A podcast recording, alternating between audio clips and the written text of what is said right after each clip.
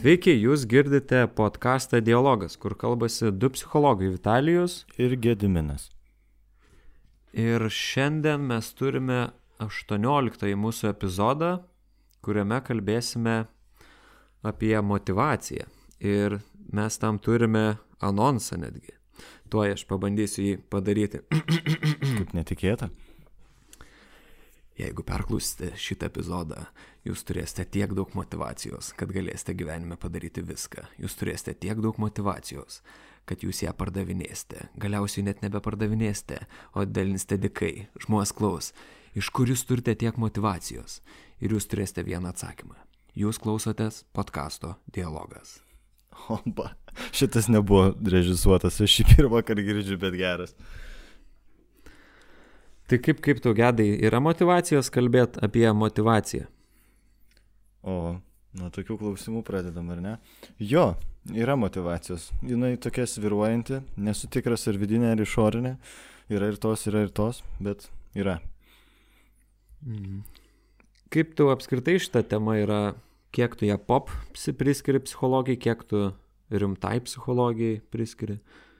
Mm kažkaip ne, ne, nesijaučiu skirstantis jos į tą, arba į tą. Faktas, kad pop psichologija nu, be galo myli šitą temą, turbūt dar labiau negu savivertė, motivacija yra, nu tai nuo ko tu pradėjai anonso, tai žinai, visi ten YouTube'ai klipai su įspūdingais gamtos vaizdais ir kur pajūryje žmogus bėga, paskutinį prakaitą lieja ir draminė muzika skambant ir ten kokie nors žodžiai esminiai apie gyvenimo tiesą, kad aš suradau, supratau ir tu tą gali, ir tu gali patikėti savimi. Tai atrodo to pilnas internetas ir pilna seminarų visokių, visko labai daug. Tai Aš abiškai iš šono dabar iškart, bet aš netgi užsidaviau savo klausimą, kai mes sugalvojom, kad kalbėsim apie motivaciją, pagalvojau, kurių galų tiek visur visi šneka apie tą motivaciją.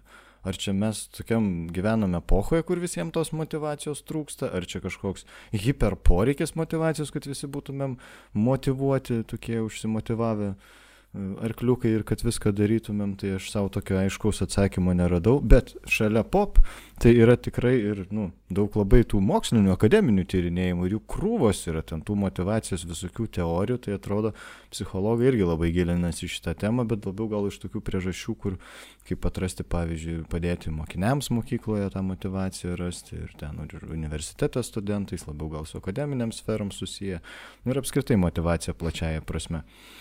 Tai atrodo ir ten, ir ten jinai labai gai. Jo, ir, ir turbūt tas pir, pirmas vaizdas, kurį tu nupasakoji, tas internetinis pop motivacijos vaizdas, turbūt ir yra tas, kurį žmonės šiaip jau, kurie galbūt nelabai ne gilinasi į, į psichologinę literatūrą, turi apie motivaciją, kad motivacija tai yra kažkas su tiesiog tikslo siekimu, kažkokių gyvenimo tikslų gyvendinimu, e, su kačelinimusi galbūt kai kam e, ir, ir panašiai, su tokiais, na, kasdieniais e, pasiekimais, bet ką tu ir paskui paminėjai, kad vat, psichologai tai gilinasi tą motivaciją plačiau ir, ir siekia ją pritaikyti mokymosi kontekste, dar aš turbūt paminėčiau, kad yra labai svarbu sveikatos kaip sakyti, sveikatos sistemos kontekste, kas yra susiję, pavyzdžiui, su lygų gydymu arba, pavyzdžiui, e, kiek žmogus e, galės išsilaikyti gerdamas vaistus, kaip sakyti, kiek jisai gerstų vaistų, kiek reikia ir panašiai. Tokių at, daug yra niuansų, kur galima tai pritaikyti, bet marketingo specialistai nu, labai iškėlė tą motivaciją kaip, kaip kažkokią prekę, kaip kažkokį raumenį, kurį gali treniruoti tarsi hantelį kilodamas. Ir tai, man atrodo, tas toks vaizdinys labai patrauklus tai plačiai visuomeniai. Tai iš dalies yra gabaliukas atsakymo, ko, kodėl jin tokia populiari. Bent jau aš turiu susidaręs tokį įspūdį. Mm. Man tai dar kartais atrodo, Nu, aš pats save esu prigavęs ne vieną kartą ir keletas mano pažįstamų yra dalinęsi apie tai. Ir kartais klientai apie tai užsimena, bet čia toks visai netyrimais pagristas, tiesiog tokia mano hipotezė iš to, kas, ką aš pamačiau, kad žmonės tas, tos motivacinės kalbas ir visokius video kartais žiūri kaip filmus. Ta prasme, kad tai netampa perkeldant, tai ne, jų, jų neperkelia į gyvenimą ir tai netampa naujais įpročiais, įgūdžiais ir panašiai, tai tampa tokiu kaip tarsi savi, savipakankamu procesu, kad aš pasižiūriu tą klipą, kažkaip pasijaučiu geriau, atseit motivuočiau, bet niekaip jokių pokyčių savo gyvenimo nesijimu. Buvo pats procesas, tai šiaip labai malonus, nes tie video nu, ekspertiškai, profesionaliai padaryti, kad sukeltų, sužadintų tam tikrą gerą emociją, pakilėtų ir tokios lengvos euforijos netgi suteiktų. Tai atrodo, kad toks labai geras savęs stimuliavimas. Jo, nes man atrodo, kad tie video sukelia dažnai ne motivaciją, bet tokią ugnelę kažką daryti, bet ta ugnelė pasilaiko kažkiek ir viskas. Jis dažnai net, net netampa konkrečių veiksmų. Tai aš, pavyzdžiui, turiu atsimenu tokį vieną video, aš net nežinau, ar jis motivacinis, nemotivacinis, žodžiu, jis labai senas, dar iš 20 metų, aš dar pats būdamas moksleivis, e, kai sportuodavau savo kambarį, ten atsispaudimus darydavau, pristrukimus, aš jį pasileisdavau ir jis mane kažkaip uh, kažkaip man labai susisiejo su tuo sportavimuose, aš nežinau, kiek jis mane motivuodavo, kiek jis tiesiog kaip fo fonas eidavo. Ir jau vėlesniais metais aš jį prisimindavau ir kai man m, mm, būdavo, tarkim, ma mažiau noro pasportuoti, bet aš žinodavau, kad visai čia būtų naudinga, aš jį pasileisdavau ir man jau buvo susisiejus ta asociacija, kad kažkada jis man veikia kaip, kaip labai toksai padedantis pasportuoti ir aš jį dabar visai taip naudoju, nors atrodo visai jokinga, kur, kur tau buvo ten 16 ar 17 metų ir tu žiūrėjai ten tą video, kaip ten Švarcas kažką šneka ar stalonę, bet kartais ir dabar suveikia.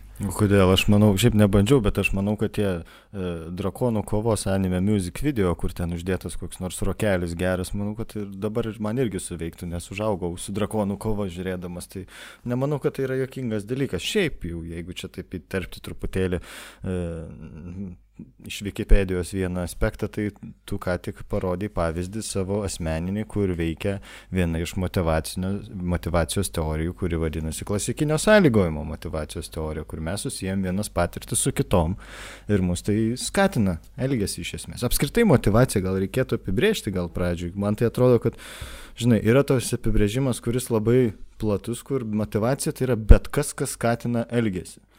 Kai mes klausim, keliam klausimą, Mm, tipo, kas yra motivacija, tai tas pats, kas klausim, klausimo, kodėl žmogus daro tai, ką daro. Tiek platus atrodo yra apibrėžimas. Gal tu turi kokį nors siauresnį, pavyzdžiui, apibrėžimą? Jo, aš tiesiog atsiverčiau, žinai, Mairso vadovėlį prieš podcastą ir ten juk yra, kas nežino, tai Mairso vadovėlis yra turbūt daugam matytas, gal ne visi vartė, bet yra tokia stora, ruda knyga, kurią galite rasti kiekvienam knyginė. Uh, anksčiau buvo žalia, dabar jau perleista į rudą yra, tai tiesiog ten yra baziniai, bazinės psichologijos žinios, galima sakyti, psichologijos įvadas. Ir vadinasi ir, psichologija. Jo, tai kas nori pradėti domėtis psichologija, tai aš visai rekomenduočiau tą knygą kaip tokią, kur tu gali apskritai susipažinti, kokie dalykai liečiami psichologijos mokslė ir kaip tyrimai atrodo ir visa kita. Tai ten yra ir savokų žodynas. Tai Myersas apibrėžia motivaciją kaip poreikius ar norus, kurie suteikia elgesiui energijos ir jį nukreipia. Hmm.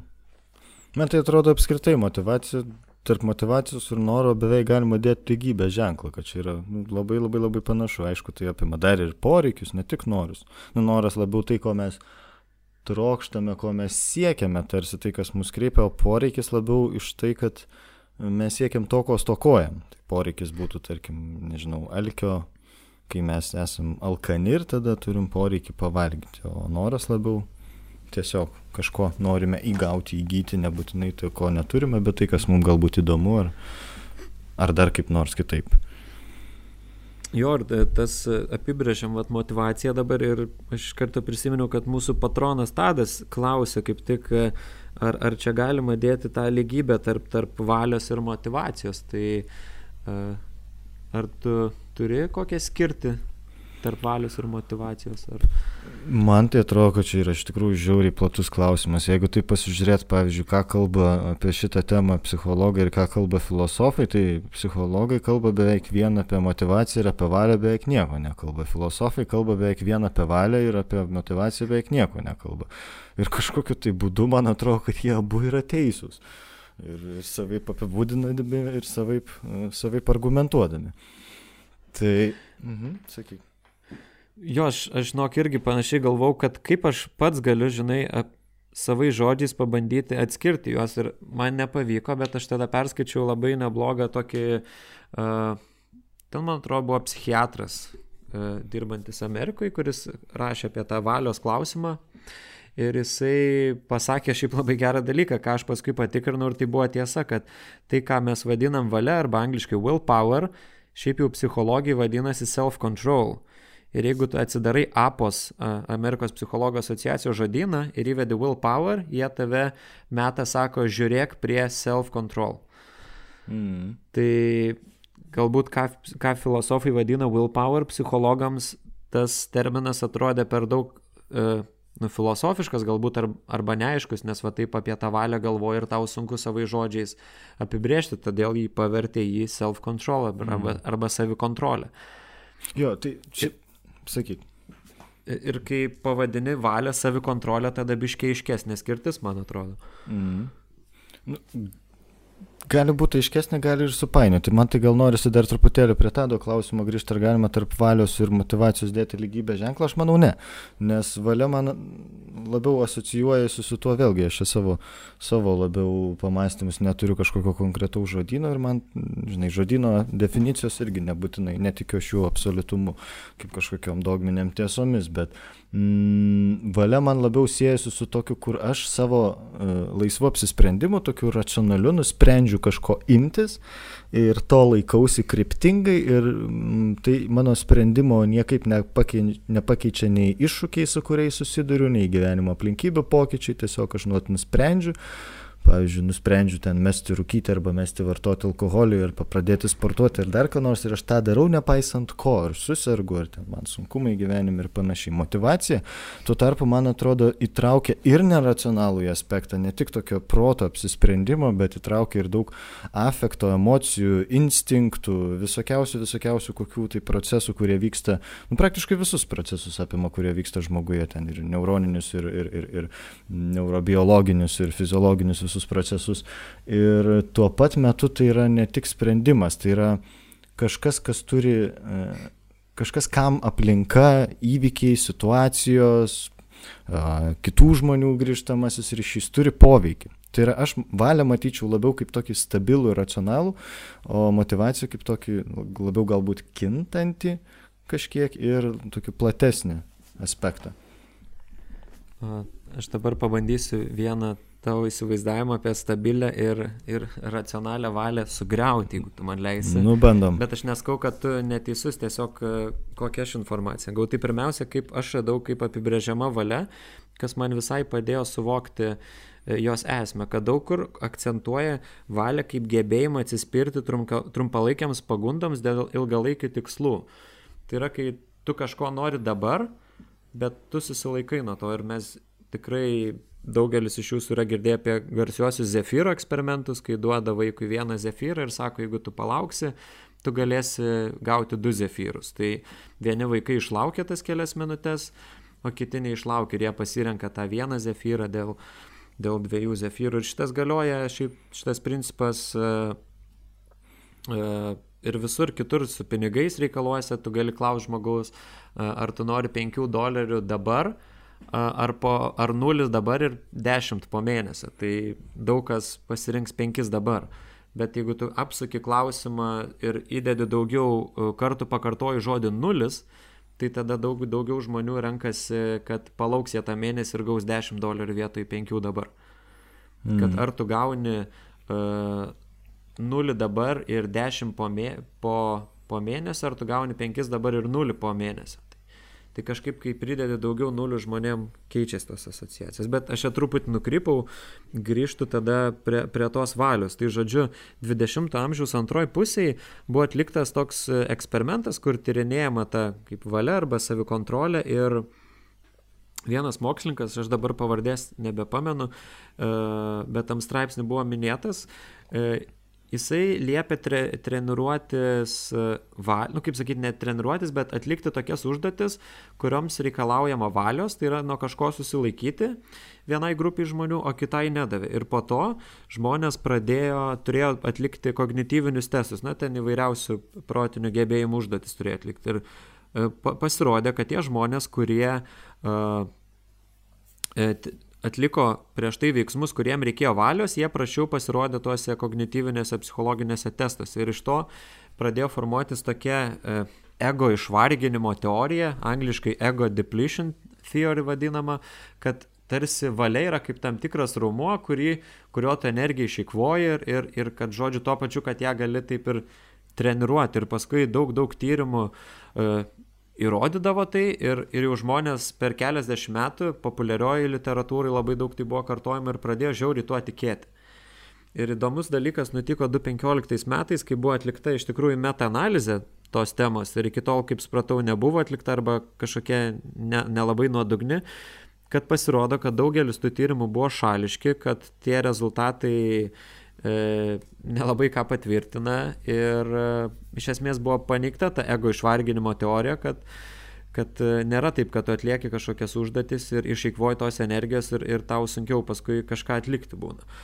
Ir tada toliau tęsiasi tyrimai ir buvo paimtos žmonių grupės, kurių vieni tikėjo, kad valia yra tokia, kad tu išeikvoji energijos ir tada jinai, kaip sakyt, mažiau tau paklusni arba tu mažiau tada gali valingai kažką padaryti, o kiti netikėjo tuo, tokiu vat teiginiu ir pasirodo tie žmonės, kurie tiki, kad tu gali tą ego išvarginti, kaip, kaip jie sako, tai uh, jie prašiau pasirodydavo tuose testuose, kur reikia valią demonstruoti, negu tie, kurie su šituo įsitikinimu nesutinka.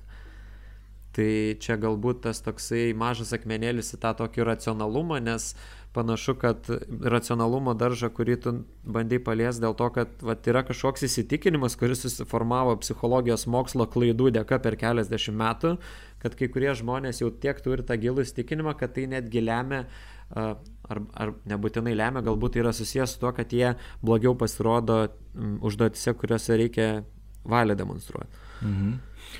Labai įdomus atradimai, labai įdomiai klausiausi, bet man atrodo, kad šiek tiek tu truputėlį gal taip drąsiai sugretinai tuos tyrimo rezultatus apie įsitikinimą, apie valios tą tokį, kai mes kažką užsibrieštai darom ir tarsi išvargstam ir kitą momentą, kad valia, nu, taip kaip aš sakiau, man labiau siejasi su tokiu laisvu apsisprendimu, nes klausimas man kiltų tada šitam tyrimui, jeigu tai parodo, tai kaip ten apibrėžiama, kas yra valios reikalaujanti užduotis, kaip valia apibrėžiama tam tyrimui. Mm, negaliu pasakyti, nes aš skaičiau tą straipsnį, kuris apžvelgia meta-analizės, tai iš tų visų tyrimų nenagrinėjau, tai čia irgi mano turbūt komentaro trūkumas, nes skaičiau antrinį šaltinį. Ups. tai viskas tvarkoja, metanalizės kartais daug geriau negu pirminiai šaltiniai, šiaip jau, nes labai daug apima, bet tai čia nebūtinai, čia gal diskusijos klausimas. Bet jo, nu, čia man atrodo labai slidu visą laiką yra apie būtent pačią definiciją, kaip mes apibriešim tą valią. Ir tas klausimas, man atrodo, gali būti amžinas ir galima amžinai pliektis. E, užsidavus klausimą, ar valią galima ugdyti ar negalima valios ugdyti. Ir galima pateikti visokius skirtingus pavyzdžius, kur mes matysime, pavyzdžiui, netgi ir motivacijos tyrimai rodo, tarkim, e, pasiekimų e, reikalaujančiose užduotyse, nu, kur yra susiję su akademiniais pasiekimais, su tam tikro meistriškumo įgyjimu, ar koks tai bebūtų užduotis, netiek svarbu. E, tai tuose tyrimuose irgi rodoma, kad pavyzdžiui, kai kurie žmonės iš prigimties yra labiau galima sakyti, motivuoti, tai yra labiau, e, labiau siekia sėkmės įvairiose užduotise ir mažiau nusivilia patyrę nesėkmę ir labiau linkę kartoti tą ilgesį, nepaisant nesėkmės, labiau linkę taisytis iš klaidų ir toliau judėti link to.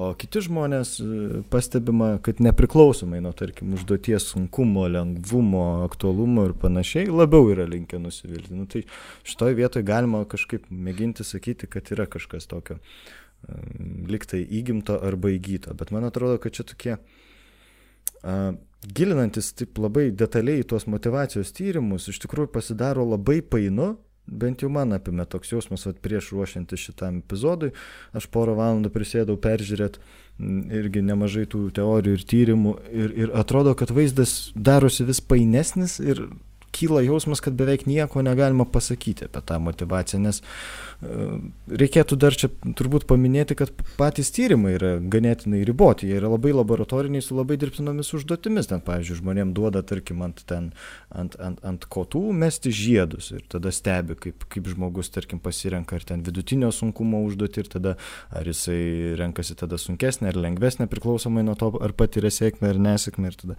iš to daromos išvados apie žmonių motivaciją, kaip, kaip jinai kinta priklausomai nuo to, ar mes susidurėm su sėkme, nesėkme ir kokios sunkumo užduotis pasirenkam. Ir atrodo, tų teorijų yra labai įvairių ir atradimai labai yra įvairūs. Bet kas man buvo įdomu, pavyzdžiui, iš tų tyrimų, čia galbūt, nors aš turbūt nukrypsiu nuo tos temos, kurią mes pradžioje iškeliam, bet man buvo įdomus visai E, atradimas, kad vieni žmonės yra labiau linkę, labiau motivuoti siekti sėkmės, o kiti žmonės labiau motivuoti vengti nesėkmės. Kalbant apie motivaciją tam tikrose veiklose, kur gali būti kažkoks rezultatas. Tai vieni žmonės imasi veiklos, nes jie turi lūkestį apie tai, kad ta veikla duos norimą rezultatą ir aš imuosi, mane tai įdomu ir, ir, ir, ir aš tada renkuosi nu, jeigu čia į detalės einant, tai dažniausiai tokie žmonės renkasi vidutinio sunkumo užduotis, nes vidutinio sunkumo užduotis labiausiai parodo apie žmogaus gebėjimus, nes mes jeigu pasirenkam labai labai lengvą užduotį, tai beveik visi ją atliks sėkmingai, o jeigu labai labai labai sunkia, tai beveik visi e, neatliks. Tai mažesnis ir nusivylimas netlikus labai labai sunkios užduoties. O tie žmonės, kurie mot, labiau motivuoti vengti nesėkmės, kad pati pagrindinė motivacija yra baime suklysti, susifeilinti ar apsijuokti ar ten dar kaip nors, ar tiesiog, kad nepavyks, tai jie labiau linkia rinktis labai labiau lengvesnės užduotis arba labiau sunkesnės, o ne vidutinė sunkumo, kurios labiau atspindi žmogaus gebėjimus. Tai yra, jie labiau renkasi tokias situacijas, kur galima bus atsiremti tokius faktorius kaip sėkmė, e, pavyzdžiui, arba tiesiog e, nesėkmę kažkaip aiškinti per tai, kad Uh, tai nebuvo apie mane, bet tai buvo apie tai, kad, pavyzdžiui, ai, čia ir šiaip lengva užduotis, arba pff, čia ir taip užduotis, kur beveik neįmanoma padaryti. Kažkaip taip, tai šitie man visai įdomus tokie atradimai buvo. Jo, man tai šiek tiek primena tai, ką tu papasakai, tokį aspiracijų testą, gal atsimenim, darėm universitete, gal antram kursė turėjo būti, kur žmogui duodi neįmanomą užduotį, kuri Taip. yra sunkesnė. Ir jis tada pamato, kad jis suklydo ir jis iš karto prieina ne prie vidutinės dažniausiai, bet prie labai lengvos užduoties. Tai yra, kad didesnė, didesnė dalis žmonių suklydė. Iš pradžių jie kaip tik, jie bando sudėtingesnę aukščiau negu vidutinė pasirinktų užduotį, pamato, kad suklysta, nes ten yra specialiai neįmanoma padaryta išspręsti užduotis ir jie tada labai greit persimeta ant labai lengvos. Jo, tai čia būtent tie tyrėjai irgi tą, būtent tyrinėjo tas aspiracijas ir iš jų ir kilo tas pasirinkimas skirtingo sudėtingumo užduočių ir kur mums praktiškai darė universitete ten mėst, mėtyti ten kamoliukus į ten dėžę, bandyti pataikyti. Tai irgi įdomus momentas. Pavyzdžiui, tie žmonės, kurie yra labiau motivuoti e, siekti sėkmės, E, tai yra motivuoti į pasiekimą, tai jie labiau renkasi, nu tai, kas liaudiškai būtų suprantama adekvačios aspiracijos. Aspiracija reikėtų turbūt žodį apibrėžti, tai yra e, išsikeltas m, siekis apie užduotį, nu, vad kas man pavyks. Ar aš jaučiuosi, kad man pavyks labai sunki užduotis, ar jaučiuosi, kad labai lengva man tik tai gali būti priimtina. Nu, tai paprastai žodžiais tariant. E, tai žmonės, kurie motivuoti siekti sėkmės, jie kabutėse adekvačiau reaguoja, tai yra jeigu pasirenku vidutinę sunkumo užduotį ir man nepavyksta, tai pasiemu lengvesnį. Ir kai lengvesniai man labiau pavyksta, tai tada renkuosi sunkesnį. Kitaip tariant, orientuoti labiau į, į, į vėlgi, į savo asmeninius gabumus, o nesėkmę. Tie žmonės, kurie vengia nesėkmės, jie dažnai pasirenka nedekvačiai. Pavyzdžiui, yra, tarkim, uh, penki skirtingi nuotoliai mesti žiedams ant, ant tų e, kotų ir jeigu nepasiseka iš, tarkim, trečiojo nuotolio, tai aš pasirenku dar sunkesnį maždaug. Kad, tipo, nu man nepavyko, čia pasirinksiu dar sunkesnį, čia vis tiek sunku, ai man vis tiek galbūt nepavyks, čia yra jau tai, ką aš sakau apie tą vidinę kalbą, tai yra vadinama kauzalinėmis atribucijomis, baisus terminas. Tai yra, kuo mes aiškiname, kokiomis priežastimis mūsų vienokio ar kitokio elgesio pasiekmes. Ir mums pavyko, tą padaryti ar nepavyko. Tai va, žmonės, kurie vengia nesėkmės, dažnai pasirenka ir e, ne, ne pagal save tas užduotis ir suklydę gali toliau rinkti sunkia užduotį, kad pasitvirtintų tam tikrą prasme, galima būtų sakyti savo vidinį jausmą, kad va ir taip sunku ir šiaip neįmanoma, tai reiškia nieko blogo apie mane. ir mano savivertės nekaso vienai par kitaip, jeigu paprastai pas, pasakius. Aš irgi biškai nukrypsiu, o jum davė mėtyti žiedus universitete? Mum ne žiedus davė, mum man atrodo... E, Ai, nes galvau, kad kad jum įdomiau, nes mums tai žodžius davė dėliot. Ai, žodžiu. Man atrodo, gal ir šitą yeah. davė, bet mums, žinai, Antanas Kairys davė, netgi ten popierius sulankstė skirtingus ir ten į tušę šiukšliadėžę davė pamėtyti. Ne, mums nedavė taip mėtyti. Tai nedavė. Jums įdomiau buvo. Jo, mums fainiau buvo. tai va, bet ką tu ten buvai paminėjęs apie tuos skirtumus, kad vieni žmonės e, labiau vengia nesėkmės, kiti labiau siekia sėkmės, tai iš dalies manau, kad tai gali paaiškinti tokia savideterminacijos teorija, ar tu esi apie ją girdėjęs? Mm, kažką esu, tikrai esu girdėjęs universiteto kontekste, menkai atsimenu, bet čia kažkas apie tai, kad pats žmogus nulėmė savo motivaciją ir kažkaip ten neatsimenu. Jo, pa panašiai, bet aš šiek tiek praplėsiu, nes aš visai iš tikrųjų buvau pasiruošęs pakalbėti apie šitą teoriją, dėl to, kad aš kaip ir, nežinau, advocate jos gal esu, nes jinai man tikrai labai patinka ir aš turiu, nu, tvirtų argumentų, kodėl jinai yra gera ta teorija. Ne tik dėl to, kad aš bakalaurėje remiuosi, bet, bet, bet aš bakalaurė, bakalaurė apie ją sužinojau. Tai tai va, tai šiaip savideterminacijos teorija yra tokia makro motivacijos teorija, nu, kuri šiaip apima labai daug sričių ir turi savo teorijų, subteorijų, bet jeigu mes bendrai kalbėsim apie, apie, apie savideterminacijos teoriją, tai kuri šiaip paprastai tariant, ta teorija remiasi prielda, kad žmonės turi įgimtą poreikį judėti tarp trijų tokių aktualizavimo ir, ir integravimo procesų kaip geresnė savireguliacija, kompetencija ir, ir kad šitie procesai priklauso nuo trijų bazinių poreikių. Tai yra kompetencijos, autonomijos ir sąryšingumo, nežinau, relatedness angliškai, tai aš išverčiau kaip sąryšingumas. Susietumas, sąryšingumas jo. Tai kompetencijos poreikis tai yra patenkinamas, kai žmogus turi galimybę išreikšti savo pajėgumus ir gebėjimus, siekti iššūkių. Tada susietumas tai yra uh, suvokiamas kaip priklausimo bendruomeniai pojėtis, kuris, kuris pasiekiamas per tarp asmeninius santykius, nu, kad ir tavimi rūpinasi kažkas, ir tu kažkam rūpi. Tai yra ne tik, kad e, kalbama čia ne tik apie tai, kad tau reikia, kad tu kažkam rūpėtum, bet kad ir tau kažkas rūpėtų. Na ir autonomija tai yra suvokiama kaip na, žmogaus galimybė veikti, na, kaip sakyt, kartu su jo paties interesais ir vertybėmis, kitaip tai yra toks terminas kongruenčiai, congruently kad aš veikiu kad kartu pagal tai, ką aš ir galvoju, ir, ir kuo aš tikiu, ir kuo aš remiuosi. Ir žodžiu, šitą teoriją vat, nagrinėja šitos dalykus ir jie išskiria va šitas tris, mm, tris esminius, uh, kaip čia juos galima pavadinti, uh, na, tos poreikius žmonių, kur, kurių jie siekia ir jie tada išskiria motivacijos formas. Tai jeigu taip uh, labai apibendrintai kalbant, tai yra, kai nėra motivacijos ir žmogus daro nesiremdamas jokių motyvų, yra išorinė motivacija, kai e, mano elgesį sąlygoja kažkas iš išorės ir vidinė motivacija, kai kažkas iš vidaus. Tai yra tai, kad man patinka kažkas arba man malonu kažką daryti, aš kaifą jaučiu ir man žiauriai įdomu tą daryti. Tai čia yra ta vidinė motivacija.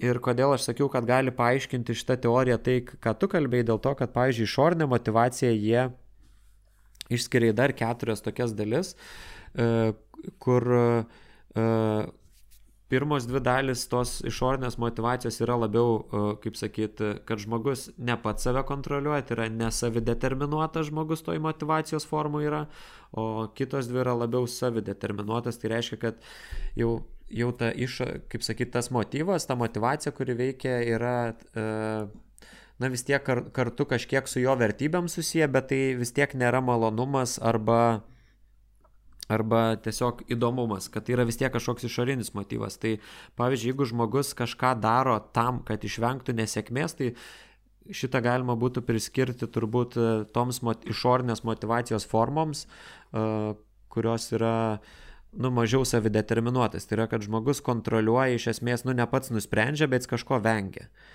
Kad kai tu savideterminuotas esi, tai tu tada kaip sakyt, pats nusprendi, ko tu sieki ir tai priklauso nuo tavęs, o šiuo atveju žmogus kaip ir, kaip ir jo, jisai pasirenka kažką daryti, bet vis tiek tas pagrindinis motyvas, dėl ko jis tai daro, tam, kad išvengtų nesėkmės. Tai nėra visiškai su jo kažkokiam vertybėm susiję ar, ar e, kažkokiais integralumo poreikis, o tai labiau kažkoks vengimas arba bijojimas susidurti su kažkuo. Tai aš bent jau taip čia išmaščiau. Mhm.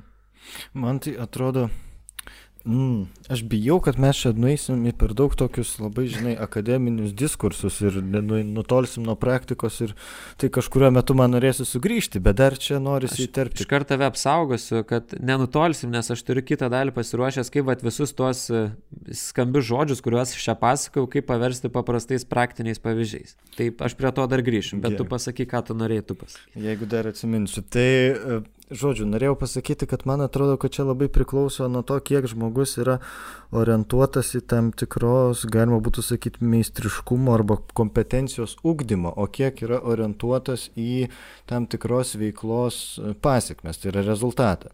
Ir čia, man atrodo, irgi dvi yra labai skirtingos e, motivacijos. Ta prasme, jeigu aš imuosi ką nors veikti, dabar kokią nors pavyzdį reikia sugalvoti. Nu, tarkim, sportuoti, tarkim, užsimti kokią nors kalisteniką, ar ne? Ir man pati veikla yra labai įdomi, kas reikštų vidinę motivaciją šiaip, bet aš emuosi jos, nes man labai įdomu būtų tapti, nu, vat, padaryti ten tam tikrus judesius ir panašiai, nu, įgauti tam tikro meistriškumo. O kitas momentas, sakykime, būtų kažkokio rezultato. Aš noriu imtis ten užsimti kalisteniką tam, kad galėčiau kažkokiam kalistenikos turnyre ten pirmą vietą skinti, arba tam, kad ten paplūdime galėčiau kelias judesiukus padaryti ir ten prie manęs mergikės prieitų maždaug, nu kažkokius netiesiogiai ne su meistrystė susijusius, bet su tokiu tam tikru tos veiklos atpildu. Ir man atrodo, ne man atrodo, bet yra tyrimai padaryti, kurie rodo, kad tie tos... Uh, ta motivacija, kuri, arba tos veiklos, kurios kyla iš tos motivacijos, kur mes siekiam meistrystės ir kurios yra arčiau tos vidinės motivacijos sampratos, tai jos yra tarsi patvaresnės, labiau atsparios įvairiems iššūkiams ir, ir, ir, ir nesėkmėms. O tos motivacijos, kurio orientuojamės mes į tam tikrą kažkokį atpildą, tai e, mes galim dažnai nusivilti pačiu procesu ir mesti imtis kažkokią veiklą. Tai galbūt aš galvoju, kokia praktinė išvada galėtų būti iš to, tai tiesiog bet kokia veikla, kurios mes imamės labai labai labai gerai savęs paklausti, dėl ko aš imuosi. Ir tikrai dėl savęs, ir tikrai savo. Ar dėl kažko kito, ar aš noriu kažkokio rezultato iš to, ar tai yra būtinai vienintelis kelias tą pasiekti rezultatą, galbūt yra kitų kelių, kurie man įdomesni ir taip toliau. Jo, aš galvau, kad mes galim panalizuoti pagal tą savideterminacijos teoriją ir tuos tris poreikius, o, pavyzdžiui, mūsų podkasto darim, arba bent jau aš galiu iš savo pusės. O, įdomu, davai pabandom. Kaip, nu, kaip praktinis tiesiog pavyzdys. Tai ta teorija sako, kad va, yra kompetencijos poreikis. Ar mes kalbėdami patenkinam kompetencijos poreikį, Manau, kad taip. Dėl to, kad mes domimės kažkokiom temom, mes turim aišku žinių, aišku dar papildomai pasidomim ir tai, kad žmonės kiti klauso, tai na, irgi vertina mūsų kompetenciją. Tai čia iš karto įeina ir sąryšingumo poreikis, kad mes susiję esam dar ir su kitais žmonėm. Pirmiausia, vienas su kitu, nes mes bičiuliai ir specialistai dar, bet yra dar žmonės, šimtai ar net tūkstančiai, kurie mus klauso. Tai jiems irgi yra įdomu. Ir autonomija, tai kai ar mes veikiam kongruenčiai su savo kažkokiais interesais ir vertybėmis, ko gero taip, nes mūsų niekas čia necenzuruoja, mes patys pasirinkom šitą podcastą daryti, kad mes pasakėm, kad mes neatstovaujam jokios psichologų sąjungos ir panašiai. Mm. Man atrodo, tai, kad mes čia darom, sutelpa į visą tą teoriją. Vat, nu, kaip sakyt, kad mm. aš galiu vat, savo šituo elgesiu, tai yra podkasto darimu, pagrysti, kad šita teorija visai teisingai kalba apie tai, kas žmogui svarbu. Mm. Ir turint omeny tai, kad mums dar neatsibodo to daryti ir mes nemetam, tai tai visai ta motivacija atrodo tokia veiktų gautųsi šitoje vietoje. Bet jo, pavyzdys tai labai įdomus, iškart kažkaip, nu, vat, apčiopinau skamba ta teorija, kuri iš pradžių labai grėmėsdiškai man skambėjo. Jo, tai ta, tų, tų teorijų ir nepatrauklumas yra tas, kad reikia pastangų jas išmokti paversti praktinėmis užduotimis, ko dažnai šiaip mokslininkai nemoka, nes aš labai daug skaičiau įdomių teorijų ir, nu, velniškai sunku surasti pavyzdžių, O kai tu, kaip sakyt, kai tau ta teorija nėra kažkokia duona ir druska, tai tau labai sunku pačiam sugalvoti. Jeigu tau nepateikia kažkaž, kažkokių pavyzdžių, už kurių tu gali užsigriepti, nu tau labai sunku paskui tą teoriją, su tą teoriją susidraugauti ir iš vis galvoti, kad jinai prasminga yra. E, neseniai išgirdau tokį visai įdomų skirstimą. Čia biški rakursas iš šono apie va, tuos tyrimus ir šitą tavo įspūdį. Ir aiškiau savo įsivardinau, apie ką buvo mano konfliktas su akademinė psichologija, nes galima būtų pasakyti, kad nu, taip kaip atliekami psichologiniai tyrimai, tai yra tokie kaip trys laukai. Tai pirmas laukas yra tai, iš kur kyla hipotezės tyrimams, tai tam tikros nu, prielaidos. Tada yra tų hipotezių tikrinimas, tai yra tyrimų darimas, kur yra hipotezės patikrinimas, ar jos veikia ar neveikia per visokius eksperimentus, ten tyrimus ir panašiai. Ir tada trečias etapas yra tų tyrimų rezultatų perkeliamas į realų gyvenimą. Tai man toks įspūdis yra, kad akademinė psichologija nesirūpina nei pirmuoju, etapu, nei trečiuoju etapu. Tarsi pirmasis etapas tai buvo, žinai, mūsų visokie ten Freudai, Jungai ir panašiai, kurie yra nuvertinami, kad jie svaigo kažkokias savo filosofijas dėstė. E, antras etapas yra tokio perdėto susirūpinimo, kur mes gaminam tūkstančius e, akademinių tyrimų ir rūpinamės tų hipotezių tikrinimu, visokių teorijų konstravimų, lego kaladėlių žaidimo ir visiškai nesirūpinam tų teorijų perkelimu į gyvenimą, nes šita trečia vieta irgi yra kažkokia nebe, nebe tokia įdomi, nebe moksliška ir panašiai. Tai man tas tikrai kelia nusivylimą ir gal dėl to aš ir paminėjau, kad baisu būtų šiek tiek nueiti į tas teorijas, nes man tai atrodo neprasminga. Tai čia toks truputėlį, žinai, leidau savo pastumti ant okay. akademinės psichologijos, rakursas iš šono, nežinau, kam buvo įdomu, grįžtam prie motivacijos. Jo, nepaisant to, kad tai yra gedimin neprasminga, man savideterminacijos teorija yra be galo įdomi ir aš manau, kad jinai iš tikrųjų labai pritaikoma. Tik e, reikia ją labai labai gerai suprasti. Ir šiaip, jeigu kam įdomu yra, e, tai aš šiek tiek padėjau jums susipažinti su tą teoriją, aš neskau, kad aš esu jos ekspertas, aš esu na, daugiau negu vidutinis žmogus, turbūt apie ją žinau, gatvėje paklaustas turbūt ne kiekvienas žinotų, bet e, yra toks puslapis kursera, turbūt daug kas žino, kur yra online kursai nemokamai ir gali netgi susimokėjęs tam tikrą sumą gauti ir sertifikatą, kuris patvirtina, tai vienas iš šitos teorijos kuriejų uh, siūlo online kursą, neilgą, trunka viso labo 30 ar 40 valandų kažkas tokio. Tai per savaitę padalinus po kelias laisvas valandas, tai gali per mėnesį pasibaigti ir sužinoti apie tą teoriją nemažai. Tai žodžiu yra toks, toks kursas, kur moko ir ne tik teorinės pusės, bet ir kaip tą pritaikyti praktiškai. O gerai, aš turiu tau klausimą, man irgi tada tampa įdomu. Jeigu tau tai yra įdomu, tai reiškia ir man įdomu. Kuo tau yra naudinga praktiškai savideterminacijos teorija?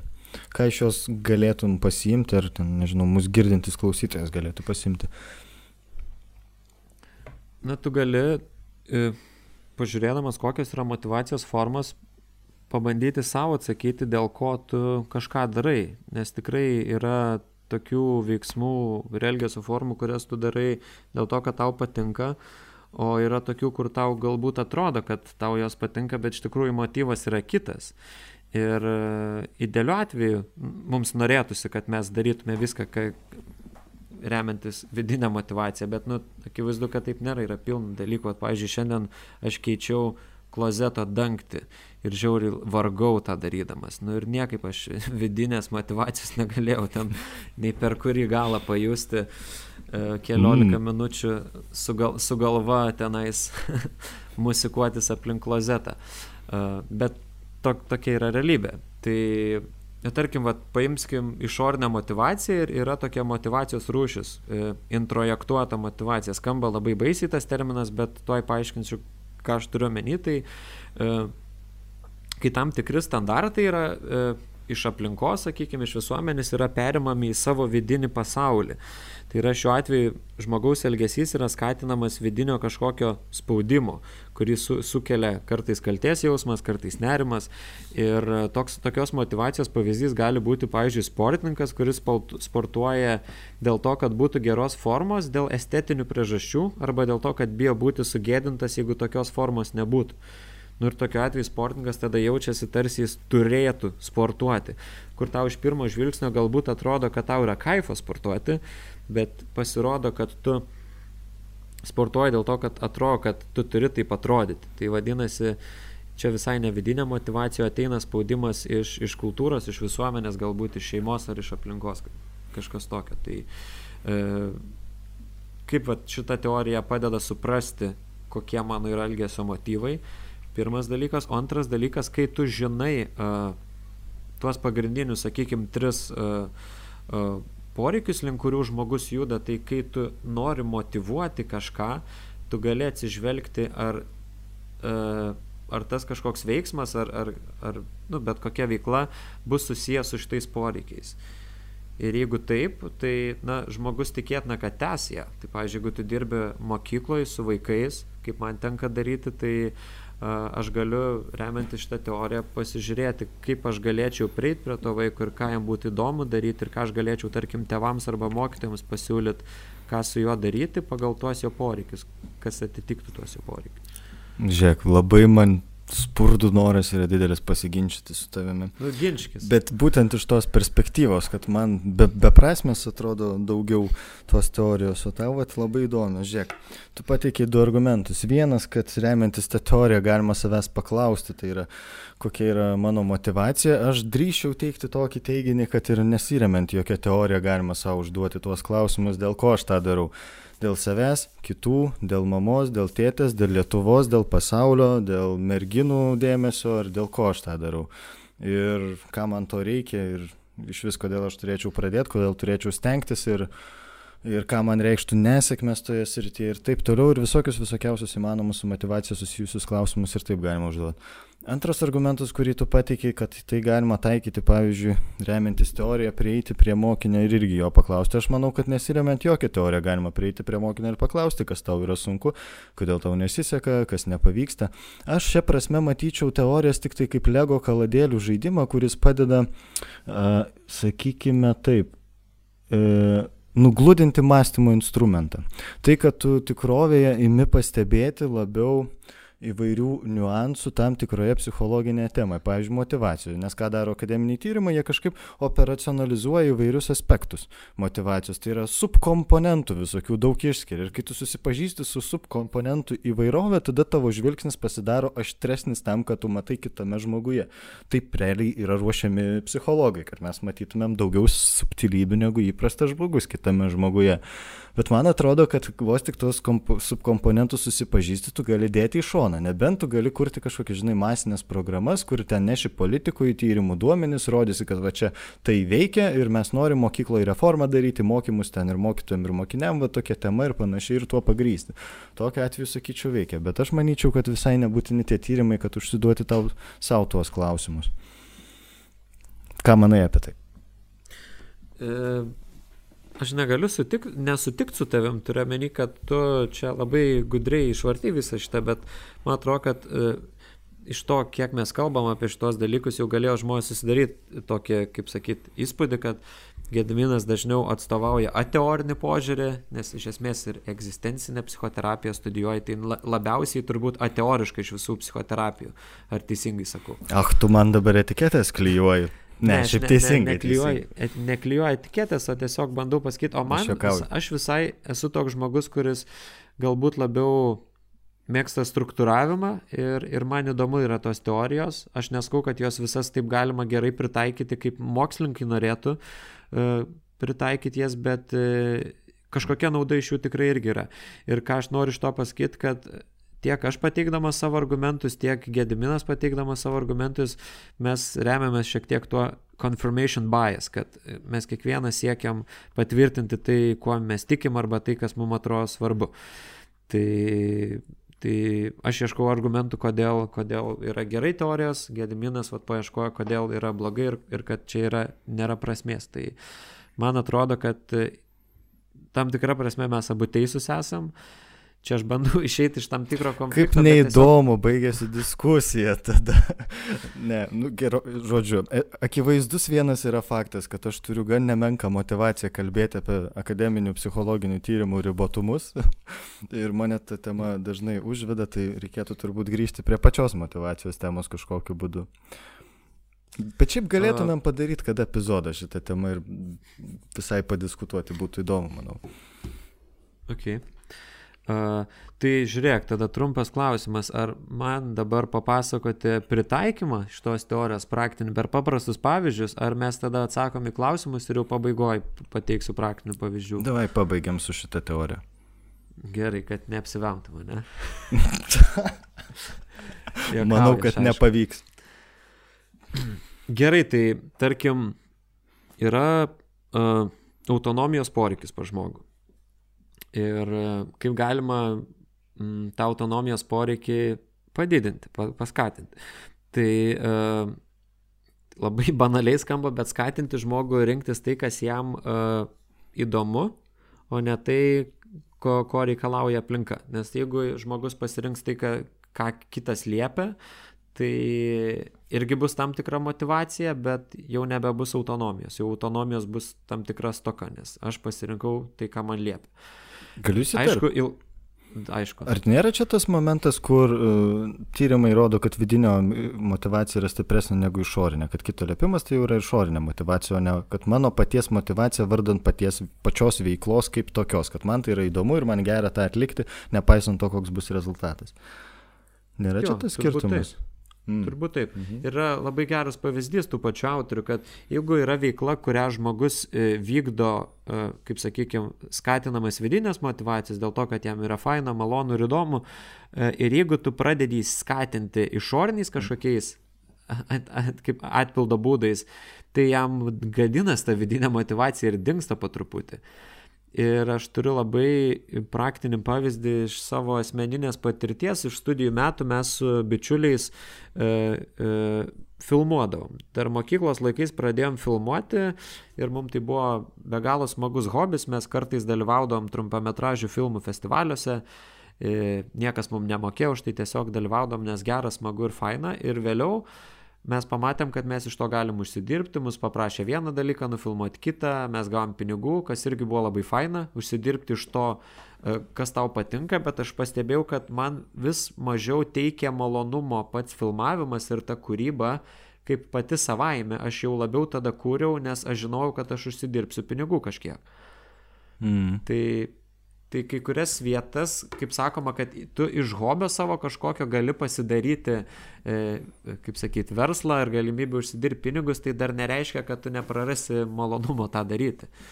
Jo, tai čia moralas iš to galėtų būti toks visokiems teveliams. Jeigu jūs turite vaiką ir jam sakote, susitvarkyk kambarį ir gausi euriuką, tai to tikrai nedarykit, nes tada vaikas nieko nesims daryti, jeigu jos nebus apdovanotas euriuko ar keliais euriukais. Aš labai suprimityvinu, bet yra tame prasmės. Bet man atrodo, kad čia yra labai įvairių uh, Vėlgi teorijų ribotumas, man norisi beveik grįžti prie to. Turiu omeny, kad labai skirtingai. Žiūrėk, turiu kitą praktinį pavyzdį. Mes pradėjom podcastą daryti visiškai savo. Po gal aštunto epizodo ar kelinto paskelbėme Patreon, ar ne? Ir mus dabar paremia žmonės. Nu, man motivacija tik kyla. Man pati savaime veikla yra labai įdomi tai, ką mes čia darome, bet tai, kad žmonės mums palaiko, kažkaip, nu, dar labiau tą suteikia. Bet čia turbūt yra skirtumas apie tai, kad nėra tokio lūkesčio, kad mes užsidirbsim pinigų. Tai kažkaip tie, ta parama labiau, nu, pagerina sąlygas atlikimo šito. Tai aš galvočiau, galbūt čia nais yra skirtumas, kai atsiranda lūkestis, kad per tą veiklą galima uždirbti pinigų, kad tarsi tada tai tampa išoriniu tikslu. Tai aš čia dabar pats savo bandžiau atsakyti šitą klausimą. Nes man atrodo įvairiai būna. Ne, nebūtinai vienreikšmiškai taip, kaip aš ir pats pateikiau su euriuko pavyzdžiu ir vaiku, bet gali būti ir visokių niuansų. Jo, bet kad žodžiu, kad yra grėsmė, jeigu tu tai, kas tau faina daryti, labai skatinsi išoriniais kažkokiais uh, tai gali būti, kad dings, dings tas malonumas. Tai va, antras dalykas tai yra, kad, mm, kad žmogus turėtų atlikinėti tai, kas jam prasminga ir logiška ir aišku. Tai, kaip sakyti, tokiu būdu žmogus didina šansus tą veiklą vykdyti toliau, nes jeigu jis vykdo kažkas, kas, kas jam yra neaišku, nepaliepta arba kažko, ko jis nesupranta iki galo, tai vėlgi tada neaišku, kodėl jis tą daro nes turi būti tas supratimas. Nu, nu, gerai, prates. Man, žinai, dėl ko aš nemėgstu teorijų. Ant kiekvieno teiginio man atrodo, kad aš galėčiau ją sudirbti ir atrasti iš praktikos pavyzdžių, kur tai neveikia. Šis teiginys vadovaujasi principu, kad žmogus yra tam tikra prasme racionali būtybė ir kur jam veikla, veikla yra suprantama logiškai, jis jos imasi. Nu, ta prasme, žmonės begalė labai motivuotai, neracionalių ir jiems nenaudingų dalykų.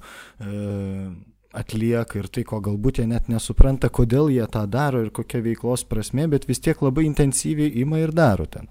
Būna, pavyzdžiui, priklausomybės nuo lašimo tai tampa, tarkim, arba kokio, kokį nors elgesį kartoja, kuris, nu, pats nežinau, kodėl taip darau, bet darau, tarkim, ten, nežinau, kabinėjosi prie žmonių gatvėje visą laiką ten, ar dar ką nors, kokią nors nesąmonę darau. Nes tiesiog. Tu alkoholiko paklaus, kodėl jis geria, nes tau svarbu sužinot motyvą, kad tu galėtum pakeisti, tai nedažnai ne, ne, ne jis galės atsakyti, kodėl geria. Ja. Nu geriu, nes geriu, žinai. Jo. Tai čia va toks, tai... irgi, žinai, iš karto ribotumas. Jo, bet mes sutikamės kalbam apie psichologijos mokslą, kuris aptartas mūsų yra, kad jisai neduoda šimtaprocentinio atsakymų. Jo, jis duoda tam tikras tendencijas ir tam tikrus įdomius žiūronus. Tai va, savideterminacijos teorija atrodo vienas iš žiūronų. Nu, teoriją tu gali matyti kaip, kaip stalinė lempa. Stalinė lempa apšviečia labai ryškiai vieną plotą, bet yra kitas, žinai, būna tas antras toks žiedas šviesos, kuris yra jau už jos klinda, bet jis netoks ryškus. Yra. O, šitą metaforą man patinka. Jo, tai panašiai yra ir su teorijom. Jos teorija negali apimti visko, visko, visko. Mm jinai pasirenka, ką aš apimsiu ir jinai šviečia į tą vietą. Ir ta vieta yra ryški, bet nereiškia, kad už, už tos ryškiausios šviesos, kur yra blankesnė šviesa, kad tie dalykai ne, nėra svarbus, bet mokslininkai tiesiog nusprendė, kad šiuo atveju mums svarbiausia tie dalykai, kuriuos mes šviečiam. Jo. Žinant, suprantant, visiems sutarėm, kad tai yra siauras realybės aspektas, kaip stalinė lempa kambarį apšviečianti tam tikrą kampą. Tai, bet, žinai, Tu dar norėtum pratesti su tą teorija, ar aš jau pakankamai tave sunervavau, kad tu netestum? Ar... Ne, tai aš, aš galiu tęsti, tiesiog e, jau, aš jau kaip sakyt, žinos, kas manęs laukia, po kiekvieno teiginio skepsio banga laukia. Nu, davai bandom. Gerai, aš tada, ne, aš turiu daugiau susirašęs tų uh, mm, punktų, bet aš po, po vieną arba du iš kiekvieno poreikio pabandysiu. Tai, pavyzdžiui, kaip e, didinti kompetencijos poreikio patenkinimą, tai uh, paprastas principas tai išsikelti tokią užduotį, kuri galėtų atitikti mano įgūdžius. Tai yra, aš, aš negaliu, žinai, jeigu mokausi plaukti, negaliu iš karto šokti ir plaukti 25 metrų, tai aš gal pabandysiu ant vandens išsilaikyti. E, taip pat ir su, su begalė kitų užduočių ką, ką mes jau turbūt ne vieną kartą kartojam, tai yra, e, kad turi išsirinkti tokią užduotį, kurią tu šimtų procentų žinai, kad galėsi gyvendinti. Nu, tipo, Papildysiu. Bet jo. tyrimai taipogi rodo, jeigu tu labiau išsirinksi užduotį e, atitinkančią tavo įgūdžius, e, tai tos užduoties pasiekmes tai yra arba sėkmė, arba nesėkmė bus intensyvesnė. Tu emociškai intensyviau reaguosi dėl to, kad tai labiau atspindi tavo asmeninę kompetenciją. Vėlgi pavyzdys, kur anksčiau minėjau, jeigu renkuosi labai labai labai sunkia beveik neįmanoma užduoti, tai šiaip ar taip žinau, kad niekam beveik nepavyksta, tai man ir nusivylimas yra labai mažas. Jeigu pasirinkti tokią užduotį, taip ji labiau motivuoja, bet staigiau gali ir kristi motivacija ties tuo. Ok, šitas įdomus, nežinau iš to. Tai tiesiog dar viena kita teorija, kuri prieštarauja dar vienai kitai teorijai. e, pavyzdžiui, kompetencijos didimui labai svarbus yra grįžtamasis ryšys, čia kas rodo, kad na, mūsų motivacija gali priklausyti tik nuo mūsų, bet jinai gali labai keistis, jeigu kažkas iš aplinkos įsitrauks. Kas, kas yra iš tikrųjų svarbu, ant kiek e, suvokti, ant kiek mes esam susijęti su kitais, nes, pavyzdžiui, kai tu sutiki žmogui konstruktyvų grįžtamą į ryšį, tai yra neteisinti tu parodai, kas, kas buvo padaryta gerai, kas klaidingai ir ką galima kitaip padaryti, be jokios intencijos pažeminti, sugėdinti ar panašiai, tai žmogų labai motivuoja. Ir kuo labiau tas grįžtamasis ryšys žmogui yra netikėtas, tuo labiau jį motivuoja kažką daryti. Irgi buvo tyrimais nustatyta, kad kai suteiki netikėtą grįžtamą į ryšį e, žmogui, e, pasakydamas, kad jis kažką gerai daro, tai jį labai motivuoja toliau daryti. Žiūrėk, dėl ko mane nervuoja tyrimai. Kaip tik prieš šitą podcastą vienas iš tyrimų, kurį permečiau akimis, tai buvo paimtos darželinukų grupės e, kelios ir jiem davė užduoti piešti piešinius. Ir, ir random tyrėjai pasirinko specialiai kai kuriuos darželinukus, nepriklausomai nuo to, koks piešinys. E, ten buvo keletas sesijų, keliais, man atrodo, bandymais tai buvo atliekama e, ir buvo kažkaip ekspertiškai vertinama berots jų jų, jų, jų, ir, ir motivacija, ir jų kokybė piešinių. Ir išsirinko tyrėjai tiesiog kai kuriuos dalį tos grupės motivuoti, prieiti ir pagirti, o kaip fainai pieši ir ten kažkaip padrasinti, o kitų nedrasinti. Atrodo paprastas, primityvus uh, suvokimas, kad grįžtamasis ryšys ir kitų žmonių palaikymas mums yra labai svarbus, bet kam ko, ko mes imamės. Tarsi bendroji, savaime suprantama nuostata yra tokia. Tyrimas parodė, kad nieko nesiskiria motivacija tų, kurie buvo paskatinami išoriškai ir tų, kurie nebuvo paskatinami. Ir kitas momentas, netgi atlikimo kokybė nesiskiria. Buvo replikuotas tyrimas, rezultatai lygiai tokie patys pasirodo. Kodėl autoriai kelia klausimą? Priežasčių įvairių. Vidinės motivacijos pakeitimas išorinė, kuri yra silpnesnė, e, galimas e, pagirimo pobūdis, kaip būtent ne kažkokia konstruktyvi, konstruktyvus argumentacija, bet tik pagirimas, kuris nudrasina, pažiūrėjau, tu šaunu jaunuolis, jis nieko neduoda, negu kad, o kaip gražiai tu čia ir čia padarai. Tai prasme, yra įvairių faktorių. Tai tų tokių, jeigu žiūrėt, vad grinai per tyrimus šalutinių veiksnių, kurie gali lemti gyvenimišką situaciją, kurios neatspindi laboratorinę situaciją, gali būti N. Ir tyrimai vieni kitiem labai stipriai gali prieštarauti. Tai vad, sudirbau ir šitą momentą. Netyčia, tiesiog prisiminiau. Taip jau, if it happens, it happens. Yeah. Uh, lūkesčio atitikimas yra svarbus kitas elementas, kai, na, kad žmogus formuotų realistiškus tikslus. Tai ne, ne tik, kad jisai išsikelia kažkokį užduotį, kurią jis gali atlikti, bet jeigu mes kalbam apie biškių toliau siekiančią ateitį, tai kai žmogus formuoja savo tikslus, o jisai formuoja tikslus, kai jisai nori kažką padaryti ir yra motivuotas, tai geriau, kad tie lūkesčiai būtų realistiški, kad jie nebūtų per daug dideli. Bet tuo tarpu, kad ir nebūtų per daug maži, nes jeigu jie bus per daug maži, tai nebus to e, iššūkio elemento, kuris irgi yra svarbus, kuris atitinka irgi kompetencijos poreikį, kad būtų tam tikras challenge'as. Vėlgi tyrimai rodo skirtingus duomenys. Vieni sako, kad nuo to, kiek mes išsikeliam, tai yra atstumas nuo žmogaus, e, sakykime, ketinimo iki e, prognozuojamo lūkestėje rezultato. Vieni tyrimai rodo, kad kuo didesnis atstumas, tuo labiau motivacija kyla, nes tai yra kažkoks, nu, mat, challenge'as, kuris tarsi mobilizuoja žmogų, kiti rodo, kad mažesnis atstumas didina motivaciją, kiti rodo, kad ma kad mažas nedidelis atstumas, kai tuoj pat pasiekiama, tai yra kaip tik labai motivuojantis, kiti rodo, kad e, numotiv, e, kaip tik demotivuojantis ir tada atsiranda dar viena teorija tarp visų kitų teorijų, kuri bando apjungti kitas, bet po to atsiranda dar kita teorija, kuri ją paneigia, bet ta teorija, kurią aš noriu dabar pasakyti, tai yra optimalaus sužadinimo teorija, kuri teigia ir savo tyrimais tarsi pagrindžia tuos savo radinius, kuriuos irgi galima šiaip sudirbti, bet jų radiniai yra apie tai, kad kiekvienam žmogui yra svarbus optimalus sužadinimo lygis, kuris priklauso ir nuo kultūrinių veiksnių, ir nuo individualių veiksnių, tai yra vienam svarbu sunkesnės užduotis, kitam svarbiau daugiau lengvesnių užduočių, kitas nori iš viso, viso gyvenimo pašaukimo vieną neįmanomą misiją atrasti ir siekti visą laiką to, kas nepasiekiama ir jausti, kad tai yra prasminga,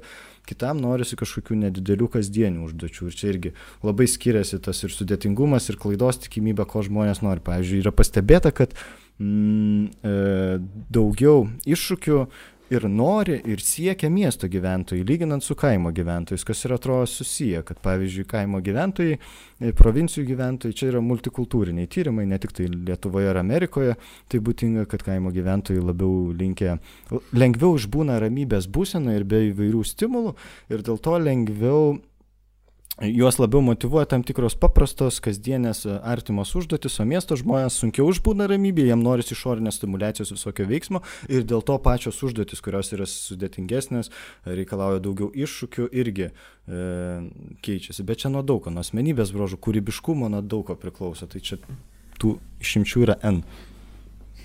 Jo, kita motivacijos ta miestiečių pusė yra ta, kad jie kartais taip perdega nuo tų savo tikslų, kad atsigręžia į kaimą ir išvažiuoja gyventi ir auginti vis. Jo, ir po dešimt metų metą kaimą ir grįžti į miestą.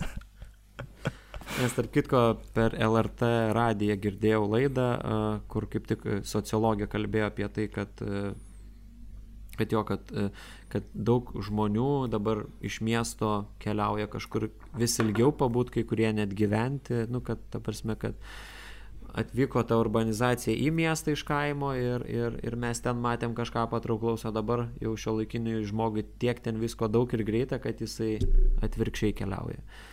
Ten, kur būtų daugiau ramybės. Jo. Tai ar tu turi dar kažkaip užbaigti su tą teoriją, nes man norisi kažkaip, kad ir tu pasakytum, ką nori pasakyti, bet ir nesinori daugiau likti prie jos tuo pat metu. E, gerai, nu, aš, ką aš norėjau pasakyti, aš tiesiog norėjau ją pristatyti, kad, kad tokia yra, kad e, man įdomi, kad gal kažką kitą sudomins ir galės pasidomėti, kad yra trys pagrindiniai, uh, uh, kaip sakyti, elgesio uh, tie motyvai, dėl ko žmogus juda kur kompetencijas, sąryšingumas ir autonomija ir, ir kad tai galima pritaikyti įvairiose sritise, nuo mokslo, sporto iki sveikatos sistemos. Mm. Žiūrėk, Pabandom pafilosofuoti biški šiaip, padėjus į šalį teorijas. Man atrodo įdomus labai dalykas, šiaip e, Jungas, man atrodo, tą pastebėjo ir kažkaip aš atkreipiau dėmesį ir savo gyvenime ir man atrodo tai veikia. Vienas iš dalykų, čia toks labiau pesimistinis argumentas į tą pusę diskusijos, vadinkime tai, kad e, motivacija nėra ugdoma. E, man atrodo, mano pastebėjimu, kad nu, mes negalim pajausti motivacijos tokios kuri mus tikrai motivuotų iš vidaus dalykam, kurie mums neįdomu. Maža to iškelsiu dar įdomesnį teiginį šiaip diskusijai. Vėlgi čia jau nebe tyrimai, neatstovauju jokių psichologų, tiesiog mano asmeninė nuomonė. Kad mes netgi negalim pasirinkti to, kas mums įdomu kad tai kažkaip ištinka žmonės. Vat mes mokomės ten, tarkim, mokykloje, kažkodėl vieni dalykai įdomesni, kiti mažiau įdomus ir nebūtinai tai priklauso nuo to, ar mums sekasi ar ne. Kažkodėl mums labiau patinka vienokia muzika arba vienokie filmai arba vienokie žmonės, o ne kiti filmai, muzika ar žmonės ir panašiai, ir vienokios ir kitokios veiklos. Ir pabandyti save prisiversti, tarkim, turbūt kiekvienas yra turėjęs patirtį, pavyzdžiui, studijuojant egzaminui dalyko, kuris yra ten tarkim visiškai neįdomus, nespecialybinis dalykas arba mokykloje ruošiantis kontroliniai to dalyko, kuris, nu, absoliučiai neįdomus, kur žmogus, tarkim, 9 klasėje jau žino, kad stosi dailės akademiją, studijuos tapybo, jam tenka dar matematiką ir fiziką mokytis. Čia kaip pavyzdys, kad suprimityvinsiu konkretinį situaciją. Nu, atrodo, yra visiška kančia, ten save bandyk privers kaip nori, bet turbūt daug mieliau tada ten nuo, nuo, nuo, nuo tų sasivinių užduočių ar ten nuo, tarkim, laptopo ties, kuriuo dirbi, atsistosi, įsidarytis arbatos ten ar eisi parūkyti sakyt, ar įsijungsi Facebooką, peržiūrėsi notificationus, kažkam atrašysi, kažkokį, o atrasi įdomų YouTube'ės video ar dar kokį nors dalyką. Ta prasme, kad yra žiauriai sunku, ma, man atrodo, mano požiūriu, kad beveik nei, arti neįmanoma, nesakau neįmanoma, bet arti neįmanoma yra pasidaryti savo, kad viduje nuoširdžiai dalykai būtų įdomus tie, kurie iš esmės yra pačiam neįdomus. Ir kad tai kažkaip tie dalykai tarsi mus pasirenka, o ne mes pasirenkam. Ką tu manai apie tai? Jo, tu čia girdžiu atstovauji deterministinį požiūrį, kad žmogus neturi laisvos valios pasirinkti. Teisingai supratau? Šitoj vietoje argumentas jo būtų, jeigu jau taip padedi, tai visai į tą pusę jo, kad ne žmogus jo. laisva valia pasirenka, bet jį pasirenka dalykai, kurie yra įdomus, tam tikri reiškiniai gyvenime. Jo, ir čia yra šiaip labai didelis de debatinis klausimas, kur yra tų tiek proponentų, tiek oponentų šitos skripties. Pavyzdžiui, Semas Harisas yra iš tų uh, kurie yra, kur sako, kad žmogus neturi laisvos valios, tuo tarpu yra filosofų, kurie sako, kad ne, yra ta laisva valia ir kad tu gali nu, vis tiek redukuoti žmogaus elgesius iki tokius, kur tu pamatys, kad nu, jau niekas kitas turbūt negalėjo apspręsti žmogaus pasirinkimo, e, ką jis vienoje situacijoje darys ar nedarys. E, aš galvoju, kad ne visi ne visos elgesio formos ir tai, kas mums patinka, yra taip, kaip tu sakai, bet kad yra tikrai tokių uh, kur tu negali pasirinkti arba net negali, žinai, sąmoningai pasakyti, kodėl tau tai patinka, žinai, arba kodėl tu tai darai. Tiesiog tu tai darai. Jo, tai aš prisimenu iš Igno Šeiniaus kūrinio kuprelis, skaitė mokykloje, gal kas atsimena, ten buvo gundė ir jinai klausė kuprelio, kodėl tu myli mane, sako, nežinau, myliu ir tiek, žinai. Jinai norėjo kažkokį motyvą išgirsti, kažkokią motivaciją, o jis tiesiog kažką jaučia ir sako, nu, myliu ir tiek, jaučiu ir tiek. Tai Tai aš vėl sugrįšiu prie tos tavo nemėgstamos teorijos, kurią, apie kurią šiandien kalbėjau, bet jie ten ir yra, turi išskyrę tokią dalį, kad yra žmogaus elgesys, kuris yra motivuojamas išorinių veiksnių, tai yra e, ne dėl to, kad jam patinka, bet žmogus e, per tam tikrą laiką gali atrasti tam tikrų vidinių vertybių, kurios uh, uh, sutampa su tuo elgesiu ir kad jisai jau artės prie vidinės motivacijos, nors jis iš tikrųjų buvo uh, kaip išorinė motivacija. Tai yra, kad, kad gali pasikeisti tą motivacijos formą. Kad... Tai turbūt aš negalėčiau visiškai sutikti su tuo tavo teiginiu -hmm. ir aš šitoje vietoje biški biški vėl pa, pa, pasitikėsiu tą teoriją, nes ten ir tyrimai buvo atlikti, kurie parodė, kad taip gali atsitikti. Mhm. Jo, tai Gerai, ne, neįsiu vėl į diskusijas apie tą teoriją, nors viduje norisi, bet man atrodo geras argumentas yra apie tai, kad mes kažkokią veiklą pasirinkdami ir ją vykdydami, kur mums atrodo galbūt iš pradžių net ir nėra įdomi, mes galime atrasti tai, kas mus kažkaip ištiktų kaip prasminga ir motivuotų veikti. Bet aš galbūt labiau norėjau pa, pa, tą aspektą parodyti, kad iškelti klausimą labiau, žinai, kiek mes pasirenkam laisvą savo valia arba racionaliu sprendimu, tai kas mums įdomu, o kiek tai yra toks visiškai neracionalus dalykas. Nu, mat iš tos serijos, nu, mat traukia ir viskas, tiesiog traukia programavimas. Nu, nežinau, įdomu ir tiek. Ir vėliau tą atlikdamas gali suprasti tos veiklos prasme. Pavyzdžiui, aš pajutau, kad psichologija, nu, praktiškai labiau iš tos neracionalios pusės mane ištiko, kad nu, man tiesiog tai aš išgirdau pirmą kartą apie psichologiją ir apie ją, nu, pasakojant konkrečius dalykus ir staiga pajutau, wow, kaip čia įdomu. Kodėl įdomu, kuo tai yra geriau negu matematika, aš ne visai žinau. Vėliau jau studijuodamas aš prisirinkau argumentų ir galėčiau sakyti, kodėl man psichologija atrodo prasmingiau negu matematika, bet aš nesakau, kad matematika yra neprasminga. Bet tai čia toks atrodo paskesnis procesas, kai aš atrandu tam priežasčių. Nors kita vertus atrodo, nu, man atrodo, kad sudėtinga galbūt yra save įtikinti, kad mes savo užduodami klausimus apie motivaciją galim labiau pasitikrinti savo motyvus. Ar tai yra nu taip klišiškai pasakysiu, ar tai tikrai mano veikla, ar tai tikrai man, ar tai sutampa, nežinau, su mano autentiškumu, norais, poreikiais, vizijomis, svajonėmis apie save ir savo gyvenimo projektų, koks jis ten bebūtų. Ar tai vis tik yra kažkokių išorinių kitų, vat, introjektų, kaip tu paminėjai tą žodį, e, kitų išorinių dalykų primesta, kuri iš tikrųjų man nėra svarbi, o galbūt net aš esu motivuotas kažkokio antrinio atpildo, ten tarkim, pavyzdys vienas iš Adleris mėgėjo kalbėti apie fiktyvius tikslus. Tarkim, vaikas užaugo skurdžioj šeimoje, kur mažai gavo tėvų meilės. Ir jisai padarė išvadą gaudamas toje aplinkoje ir matydamas savo klasioką, bendro suolo draugą, kuris gyvena turtingoje šeimoje ir kur ten visi vieni kitus myli. Jis padarė savo išvadą. Jeigu aš turėsiu gyvenime pinigų, reiškia būsiu mylimas. Nu ir tada jis tampa dideliu verslininku, jis e, įkuria verslus, užsidirba 1, 2, 3, 5, 6, 20, 200 milijoną ir tada iš ištinka staiga suvokimas, blemba, jau tiek uždirbau, bet vis dar nėra meilės. Ir tada tai tarsi sugriūna. Tai čia būtų tokia kaip ir išorinė, bet tarsi neautentiška motivacija, tokia kaip ir net netikra.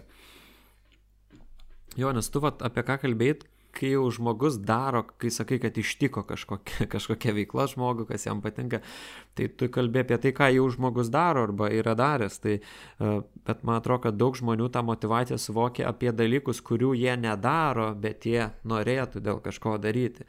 Tai tada kyla klausimas, jeigu jie norėtų ir negali, tai ar jie iš tikro to nori? Mhm. Yeah. Čia, man atrodo, labai svarbus klausimas. Iš tikrųjų. Nes tikrai, man atėjo dabar mintis apie tai, kad, žinai, pradžioj pradėjom nuo to, kodėl tiek daug motivacijos tų visokių video. Nu, dabar iškelsiu tokią hipotezę. Šiaip, ką tik į galvą šovė, nebūtinai yra teisinga, galit komentaruose kritikuoti, diskutuoti, bus labai įdomu išgirsti nuomonę. O gali būti tai, pavyzdžiui, kad mes šiais laikais nesam pasimetę tame, ko norim ir mes matom visokius išorinius labai daug pavyzdžius ir labiau fokusą mm, nukreipiam į tai, kas yra išorėje sėkminga, vertinama, priimtina, skatinama ir taip toliau, etc., o ne tai, kas mums iš tikrųjų viduje rūpi, ko mes norim, kas mums artima, kas mums brangu. Ir tada, kai mes einam į gyvenimą, imamės visokių veiklų, mes jaučiam, kad kažkaip čia ne man, kažkaip nelabai turiu jėgų, nelabai noriu ir tada žiauriai reikia tų visokių steroidų iš šalies motivacinių. Mes prisiverstumėm daryti tai, ko galbūt nebūtinai norime. Nežinau, mano asmeniniu pavyzdžiu ir šiaip jau ir sakyčiau praktinio darbo su klientais patirtimi. Tai kai žmonės leidžia savo priartėti prie svajonių, šiaip jau psichoterapija didelė dalim susijusi su tokiu procesu, kur žmogus vis labiau artėja prie tokio gyvenimo būdo, kuris yra jam artimesnis pagal jo autentiškumą, norus, svajonės ir vis labiau nutolsta nuo to, kuris yra primestas, išgalvotas, fiktyvus ir kažkoks tarsi antraeilis. Tai atrodo ir kad kai kuo labiau artėja prie to, nu net nebekyla klausimų apie motivaciją. Žmogus tiesiog tiesiog to nori, tiesiog juda link ten. Tai prasme, galima pakeliui susviruoti, bet tai, kai atrandi, kas tau tikrai brangu ir tą iš tikrųjų įsisamonini ir supranti, atrodo, nu, nu, negali kažkaip to atžinot, pamiršti ir nebesuprasti, kad tau yra brangu vieni ir kiti dalykai, o ne kažkokie treti dalykai. Kaip tau tas skamba? Jo, tai čia labai gražiai psichoterapijos e, apibūdinai e, poveikį tam tikrą. Tai aš tai galiu pantrinti, vėl pasiremdamas tą patį, nu ne tai, kad aš pasiremsiu tą teoriją, aš tik pasakau, kad toj teorijai irgi yra tai, apie ką tu kalbė, nes jinai ir vadinasi savideterminacijos teorija, self-determination, dėl to, kad jinai yra apie tai, kad žmogus pats vat, iš savęs daro kažkokius dalykus ir jie tikrai labai akcentuoja ten tai, kad, kad, kad žmogus uh, gali ugdyti save ir, ir eiti tarp tų visų integracijos ir kitų tikslų, kai jisai iš savęs daro, kai jisai daro, kas jam patinka. Tai tas yra labai svarbu, kad, ką tu sakei, kad nu, visuomenė dažnai primeta, ką, ką, ko mes norim. Tai pavyzdžiui, tas pats sportas, tai tikrai daug žmonių tą daro, nes kiti tą daro, žinai. Mm. Bet tai nereiškia, kad jeigu tu pradėsi daryti dėl to, kad kiti tą daro, kad tu negalėsi to perimti ir paversti tuo, kad tau žiauriai patinka. Nes kartais reikia labai įdomus buvo video apie su Gintautu Mažiekiu, toks filosofas yra, jeigu esi girdėjęs iš vadovų profesorius. Taip, taip. Tai, Jo, tai jis apie tą kriti, kritinę teoriją kalbėjo, tai kaip jisai kalbėjo, kaip jisai prisiversdavo save daryti dalykų, kurių jis nekenčia, tam, kad mm. jisai galėtų iš kitos pusės pamatyti ir kai kuriuos jisai žiauriai pamėgo. Tai e, čia dar yra ir apie tai, kad kartais mums tenka per nenoriu kažką padaryti, kad suprastume, kaip mes to norim. Mm. Yra tame pointo, aš, aš sutikčiau. Jo, šiaip įdomus pokalbis antram kanale. Su Olegu Šuraivu reklamą padarysiu šiaip for fun. Iš to jokios naudos nėra, bet ten tai labai įdomus pokalbiai, tai tiesiog pareklamuoju. Tai jo, aš manau, kad yra, yra, yra ir tokių šansų, kur mes galim prisiversti save kažką daryti ir atrasti, kad tai yra mums vienaip ar kitaip naudinga, bet, bet man atrodo, norisi paminėti vieną aspektą, kad šiaip jau truputėlį ir mes patys iš savęs, vat, klausant save kalbant ir šiaip šiais laikais visuomenė labai sureikšminamas tas vidinė motivacija, kad būtinai turiu atrasti savo ten pašaukimą ir panašiai savo vidinį balsą. Tas yra gerai ta tendencija, bet kartais man atrodo perspaudžiama ir man norisi tiesiog vieną dalyką paakcentuoti. Nėra nieko blogo su išorinė motivacija. Jeigu aš nebūtinai to noriu, bet darau dėl vardant kažkokio kito gėrio, tu prasme, einu į darbą, nes reikia dirbti. Nebūtinai man įdomus tas darbas, bet nu, reikia dirbti. Atrodo, kad, pavyzdžiui, mūsų tėvų senelių karta tai ilgą laiką taip ir pragyveno ir net nekvestionavo, ar tai mano pašaukimas ar ne. Yra darbas, turiu dirbti, turiu turėti stogą virš galvos ir panašiai. Ir tame nu, nėra nieko teistino ir blogo. Gal tik tai lengviau po to motivaciją tą palaikyti, kai yra nu, tokia, daugiau dermės su tais vidiniais norais ir svajonėm ir vizijom bet jie atrodo, kad su tuo darbu, kad jis nelabai patinka, kaip su tam tikra duotybė susidurdavo ir man ruos jie labai integruodavo tą vidų ir tikrai mažiau kančios patirdavo negu mes, kai dirbam tą nemalonų darbą. Čia irgi galima būtų tikrai pasakyti, kadangi mes Čia, turim... Aišku, spekuliuoju, bet aš tokį susidariau kažkokį pagalvojimą. Man yra įspūdžio, kad tikrai vyresnės kartos yra atsparesnės visokiem iššūkiam ir nemėgimam darbo, negu kad mes, kurie susidūrė su sunkumais, dažnai keičiam. Bet kita vertus, mes drąsesni keisti. Dažnai vyresnės kartos žmonės užsilieka tam tikrose nemėgstamuose darbuose ir tiesiog savo burba grįžę namo ir nieko nenori keisti. Tai čia toks skirtingi dalykai, bet galbūt rakursas iš šono. Žiūrėk, einam prie klausimų. Jo, aš ir tą patį galvoju, nes jau daug šnekam ir norisi pusantros valandos tilpti. Jo. Tai Rita pirmoji parašė klausimą ir klausimą ir komentarą, tokį netrumpą aš jį visą paklaus, paskaitysiu. Šiandien kaip niekad populiaru yra įvairios motivacinės kalbos, skatinama taikyti būdus produktivumui kelti, bandyti save įkvėpti. Manau, kad tai tikrai kartais padeda, tačiau taip pat kartais atrodo, kad net nesi vertingas tuo met, kai nesi produktyvus. Berots ir jūs kažkada minėjote human doing, o ne human being. Man atrodo labai svarbu, matant, kiek daug nuveikia kiti, suprasti, kad kartais toks besaikis produktivumas turi kainą - nuovargį, išsekimą. Tad reikia turėti laiko atsikvėpti, leisti savo pasėdėti su paprastu romanu rankose po visos mokslinės literatūros, neskubant mėgaujantis pavalgyti po nuolatinio bėgimo nurašant maistą kaip neproduktyvę ir galinčią greičiau pasibaigti dalį ir panašiai. Svarbu suprasti, kad ne viską padaryti suspėsi, paskirstyti prioritetus. Svarbu negraužti savęs, jei kas užsibrėžto nepavyksta, bet mėginti vis iš naujo. Prisiminti, kad normalu kartais nesijausti motivuotam, ypač jei esi pervargęs, liūdnas, pasimetęs. Manau, kad panašius dalykus aptarsite epizode, tai mano klausimas būtų, kada suprantate, kad yra laikas leisti savo pristabdyti. Ar nuolatinio noro būti produktyvius šalutinis poveikis pasireiškia motivacijos trūkumu bet kokiems darbams? Taip pat gal galite pasidalinti savo patirtimis, skirstant priori, prioritetus atsiprašau, kai norisi nuveikti labai daug. Ačiū. Didelis klaus... komentaras, didelis klausimai, tai iš tikrųjų visai trumpi, atrodo gale, ar ne? Tai e, kada, kada laikas sustoti ir pristabdyti, tai man atrodo, kaip aš galvoju, kai psichologinė prasme tu patiri jau daugiau kančios negu nekančios, o jau fiziologinė prasme, kai kūnas jau tave pradeda išdavinėti irgi, kai, na, nes kartais ateina pirmiau ne, ne per psichiko, o per kūną. Tai, o dažnai eina ir draugė iš tikrųjų šitie dalykai. Kančia kartu dar ir su kūno visokiais pojūčiais. Tai kai tai kartojasi ir, ir kančios varstiklės nu, labiau, ne, nebėra kas atsveria tos kančios varstiklių, tada jau manau laikas sustoti. Bet čia vėlgi individualiai yra žmonių, kurie save sąmoningai stato į tam tikrą kančią ir kai kurie netgi jaučia gal net malonumo šiek tiek iš tam tikro kentėjimo.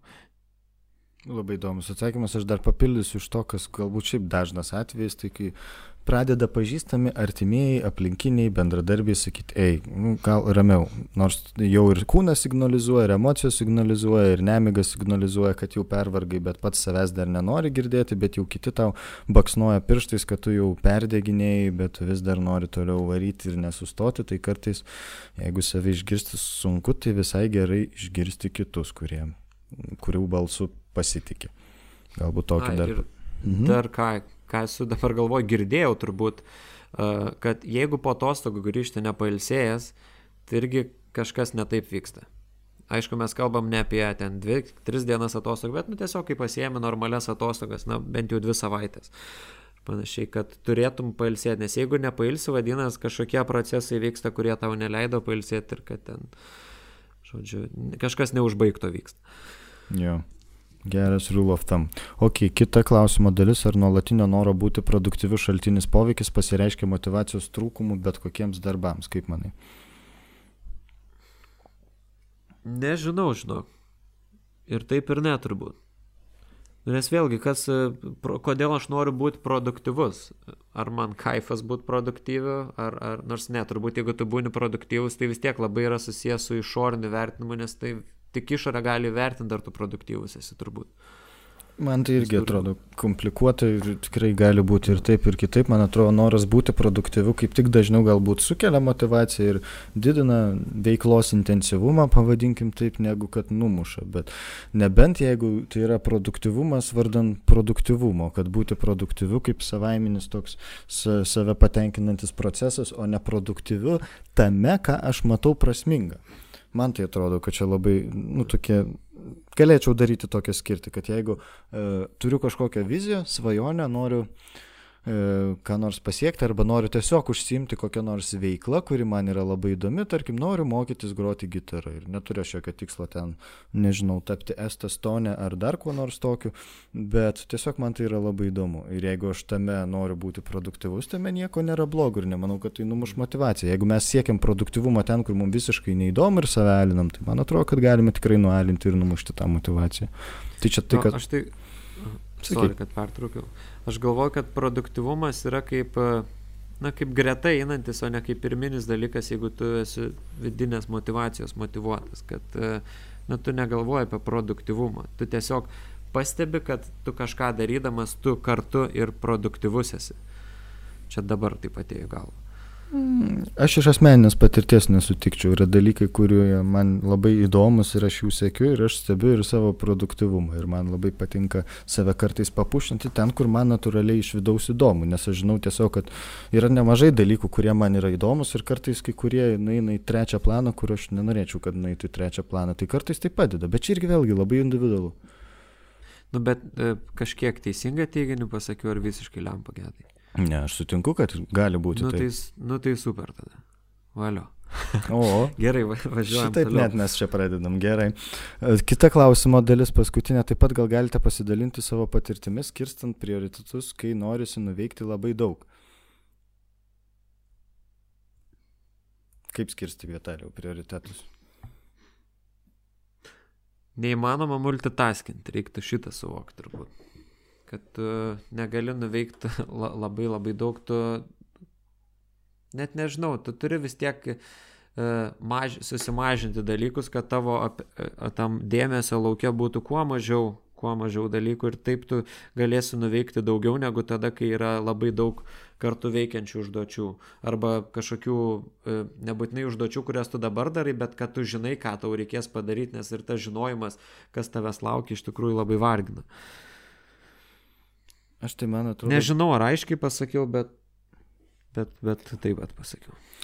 Aš tai, man atrodo, galėčiau visai netrumpai kalbėti, nes jaučiu, kad su šituo dirbu bent kelis metus, nes tikrai man yra daug dalykų, kurie yra įdomus ir tikrai ne viskam randu laiko. Bet pabandysiu trumpai tiesiog pasakyti, gal tai abstrakčiai skambės, bet e, tai yra laiko struktūravimas.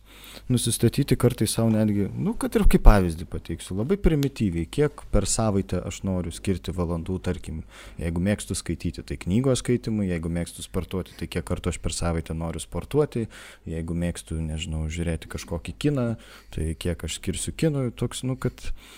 Ir e, tai yra apie galimybę galbūt labiau, aš čia papildau tai, ką tu sakei, kad aš sutinku ir su tuo, kad daug visko labai negalima apimti, bet kartais galima derinti. Tai bus galbūt lėtesnis procesas skirtingose veiklose, bet jis bus nenutrūkstantis. O kartais kitiem galbūt priimtiniau, nežinau, kažkokį savo gyvenimo etapą paskirti labiau vienai veiklai, tada kitu etapu imtis kitos veiklos man vėlgi tai atrodo labai individualu ir kas kam priimtina, tai valio. Kažkaip nesinori čia kažkokio dėsnio išvesti, bet man tai yra priimtina per laiko struktūravimą. Kada aš kam skirsiu laiko? Nusimatymą iš anksto į priekį. Jo, tai čia labai, labai geras patarimas, manau.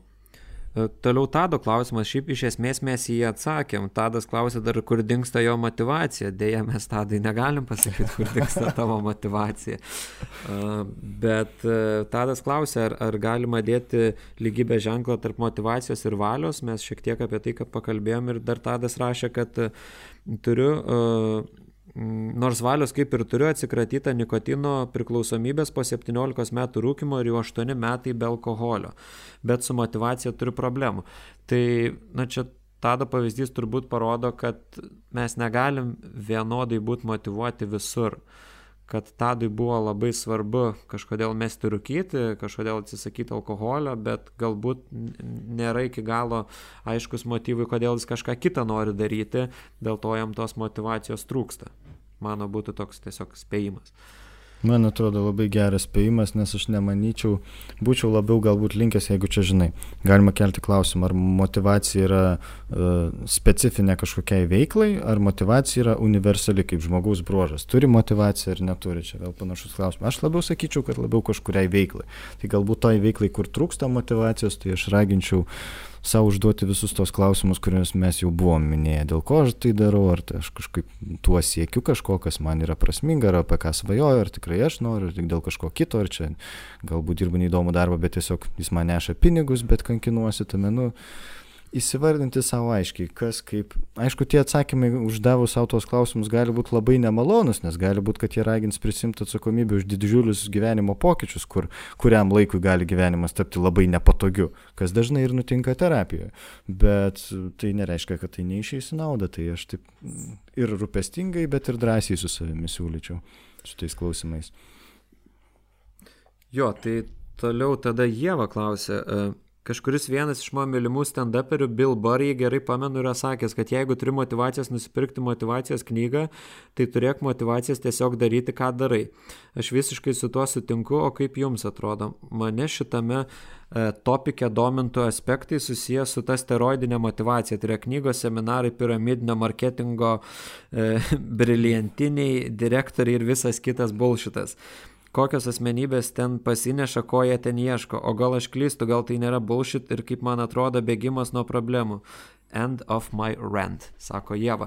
Uh, aš Jėva galbūt biškai pataisysiu, aš nežinau, ar Bill Burras yra taip sakęs, nes aš negirdėjau, bet aš tikrai žinau, kad šimtų procentų Džordžas Karlinas yra sakęs, jeigu tu gali nueiti į, į, į, į parduotuvę ir nusipirkti motivacijos knygą, tai kurių galų tau, tau, tau jas reikia, tai jau nueiti, tu gali kažką padaryti, ko tau reikia. Tai iš dalies aš sutinku su šituo, uh, bet uh, pirkdami motivacijos knygas žmonės, na, nebūtinai E, siekia tos kažkokios e, na, konkrečios motivacijos, kai kurie galbūt nori labiau suprasti apie savo motivaciją, supras kažkokius motyvus, nes ne visos, sutikim, motivacijos knygos yra bullshit ir, ir nieko vertos. Tikrai kai kuriuose galima rasti įdomių išvalgų apie tai, e, kodėl aš kažkaip elgiuosi arba kaip aš dar galėčiau savo elgesį pakeisti. Taip pat mūsų minėta kažkada knyga Įpročio gale Čarlzo Dahigo, kurią aš turbūt esu ir patronė, pa, pareklamavęs, tai irgi iš esmės tam tikra prasme apie motivaciją yra, beje, labai nebloga knyga. O, ką tu apie tai galvoji, Gedai? Apie tai, ką jie paklausė. Nu, jeigu taip paprastai, tai aš esu šališkas dėl to, kad studijuoju psichoterapiją ir šiaip man tai yra įdomu ir tie motivaciniai tokie seminarai, man atrodo, labai riboto ir kartais gali net padaryti emocinės žalos. Tai aš vis tik visada būčiau šalininkas tokio rūpestingo savęs pažinimo, negu kad tokio, žinai, motivacinio greito maisto susikišimo savo į skrandį, taip pasakysiu per tokią metaforą. Bet, uh, kita vertus aš tuo pat metu ir esu nuolankus tam ir galiu pasakyti kažkaip tai į ką ramiai reaguoju nu whatever fits tai kas tau veikia. Jeigu tau veikia nueiti į motyvacinį seminarą ten suva nežinau praryti kažkokią motyvacinę pop knygą ir tau tai padės gyvenime kažkokiam aspektui nu tai valio tai viskas su tuo labai tvarkoj man atrodo kad žmonės tikrai nu jeigu čia taip truputėlį galbūt kažkaip iš jautresnės pusės, tai man atrodo, kiekvienas iš mūsų norim padrasinimo ir palaikymo. Man atrodo, kad tikrai nedaug yra to kažkaip padrasinimo mūsų galbūt net ir visuomeniai, ir su tais socialiniais tinklais yra visokio daug rentinimo ir kritikos ir labai greitai socialinis pasmerkimas atsiranda, bet vieni kitus mes retai padrasinam. Ir man atrodo, irgi gal va, dar vienas iš hipotezių, kodėl žmonės eina į tos motivacinius seminarus, nes galbūt ir mūsų tėvai neišmoko mūsų tinkamai padrasinti ir mes patys nerandame palaikymo ir mumis yra labai svarbus. Mes vis tiek turim svajonės, turim savo norus, turim kažkokius tikslus, vizijas ir norim jų pasiekti, bet drąsos dažnai savyje nerandam. Tai jeigu tą drąsą pavyksta atrasti, kad ir motivaciniam seminarė, kad ir pas būrėją ar dar kokiam nors dalykė, tai viskas su tuo tvarkoja. Jeigu nuo to tau gyvenimas pasidaro, nežinau, tikresnis, autentiškesnis, laimingesnis, tai valio, aš tik palaikau tai. Jo, aš, aš ir galiu papasakoti labai trumpai apie seminarus, kurie mane įkvėpė, aš juos vadinu motivaciniais seminarais, tai yra, kai aš nuvažiuoju į konferenciją, pavyzdžiui, užsienį ir kai aš girdžiu tam tikrų uh, tam tikrus psichologus, kurie yra vieni geriausių specialistų savo srityje ir kaip jie pasakoja ir kaip jie dirba ir, ir su kokia ugnimi jie dirba, nu, fucking man žiauriai motivuoja ir aš tikrai įsikvepiu tenais.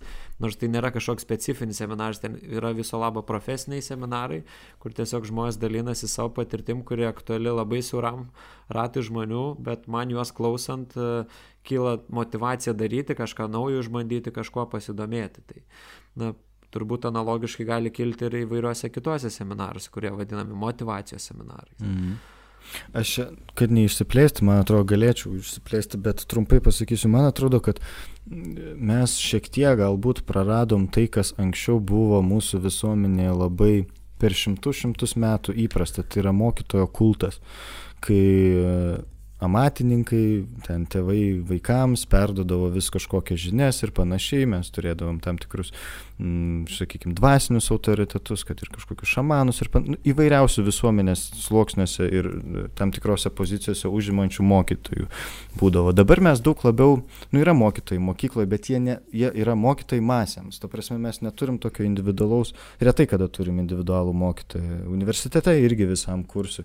Bet man atrodo, kad kiekvienas žmogus kažkaip E, nu negaliu kalbėti už kiekvieną, bet man taip atrodo, tiesiog dalinuosi savo subjektyviamis mintimis apie tai, kad kiekvienam žmogui nori turėti tą autoritetą ir mokytoją, kuris įkvėptų, kuris kažkaip, nu, galbūt būtų net ir pavyzdys tam tikro, kaip, kaip jis tvarkosi su iššūkiais, kokį jis kelia nuėjo, bent jau man asmeniškai žinau, kad tie mokytojai yra tikrai svarbus.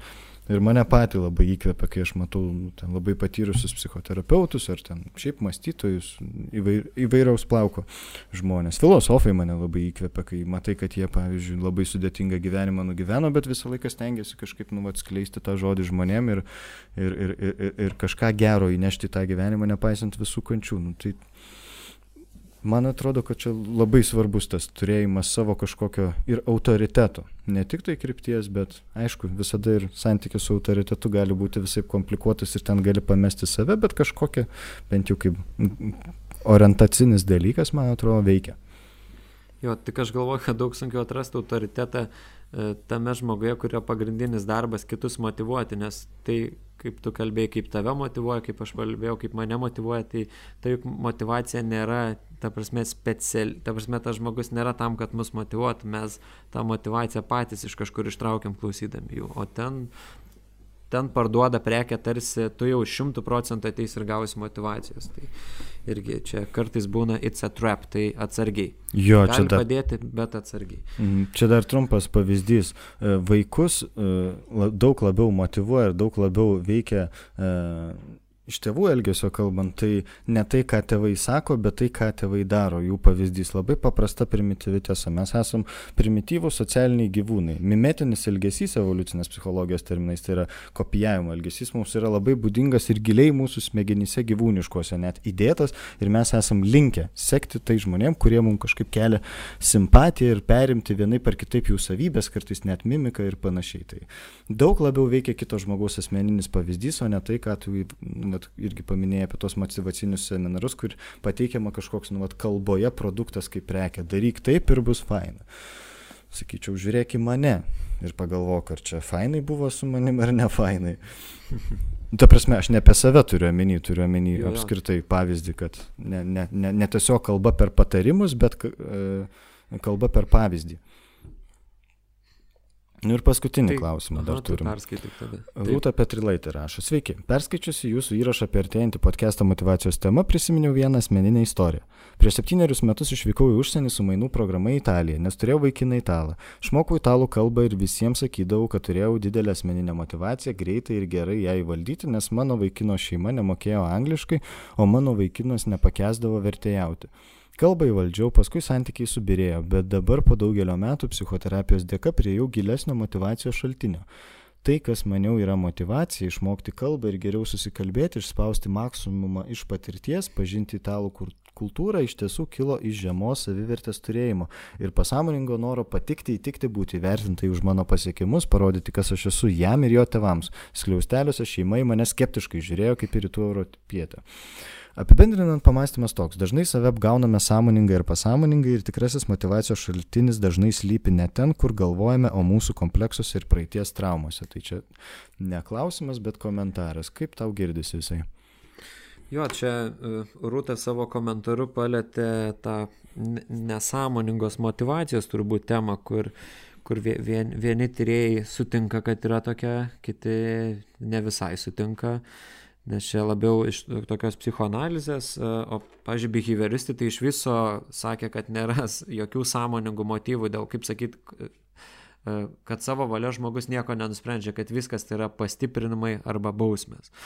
Tai a, aš manau, kad yra tų tokių motyvų, e, kur žmogus ne iki galo yra suvokęs, kodėl jisai taip elgesi. Ir rūtos pavyzdys, na vis tiek, jeigu rašė, kad psichoterapijoje buvo, tai turbūt, e, e, turbūt, na, yra racijos, kodėl taip, kodėl taip jinai parašė, bet aš galvoju, kad čia toks kartais labai nuvertinantis požiūris, kad vien tik iš to žemos savivertės čia, tarkim, tą italų kalbą mokės. Tai aš manau, kad ten susipinė kelios motivacijos rūšis ir, ir tikrai manau, kad buvo turbūt ir tas noras ir kultūrą pažinti ir, ir, ir, ir, ir pačią kalbą išmokti, nes jeigu viso labo būtų tik tas na, žemos savivertės motyvas, tai galbūt net ir na, būtų sunku labai išmokti. Aš manau, kad čia yra susipinę ir labai truputį gal net nuvertinančiai skambėjo, kai, kai pasakyta, kad viską nulėmė, kad, kad čia buvo žema savivertė.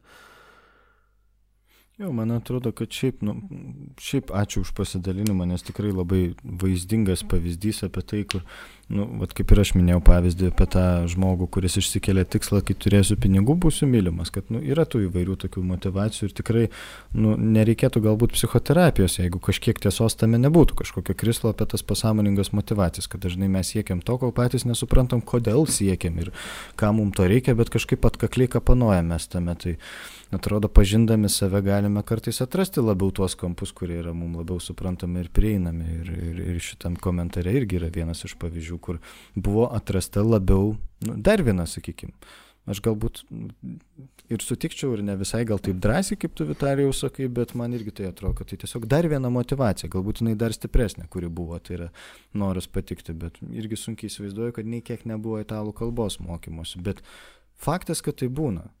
Ir tikrai ilgą, ne, nebūtų tokių dalykų, jeigu žmogus labai aiškiai žinotų savo motivaciją, tai neįvyktų kažkokie radikalūs, nežinau, profesijų, karjerų pokyčiai ir ten santykių pokyčiai viduriniam amžiuje ir ten dar vėliau. Tai prasme, mes visi gimtumėm ir ten iš mokyklos suolo išsiristumėm ir tada iškart jau žinotumėm, ko mes norim veikti ir panašiai. Nu, kažkaip mes vis tiek lūkštenamės gyvenimo įgoje, vis labiau save pažįstam, mhm. išbandom, susidurėm su įvairiom situacijom ir vienaip ar kitaip labiau susipažįstame su savo poreikiais, norais, vizijom, svajonėmis ir jie gryninasi. Ir taip vis labiau artėjom prie to. Tai man atrodo, kad yra tame prasmės.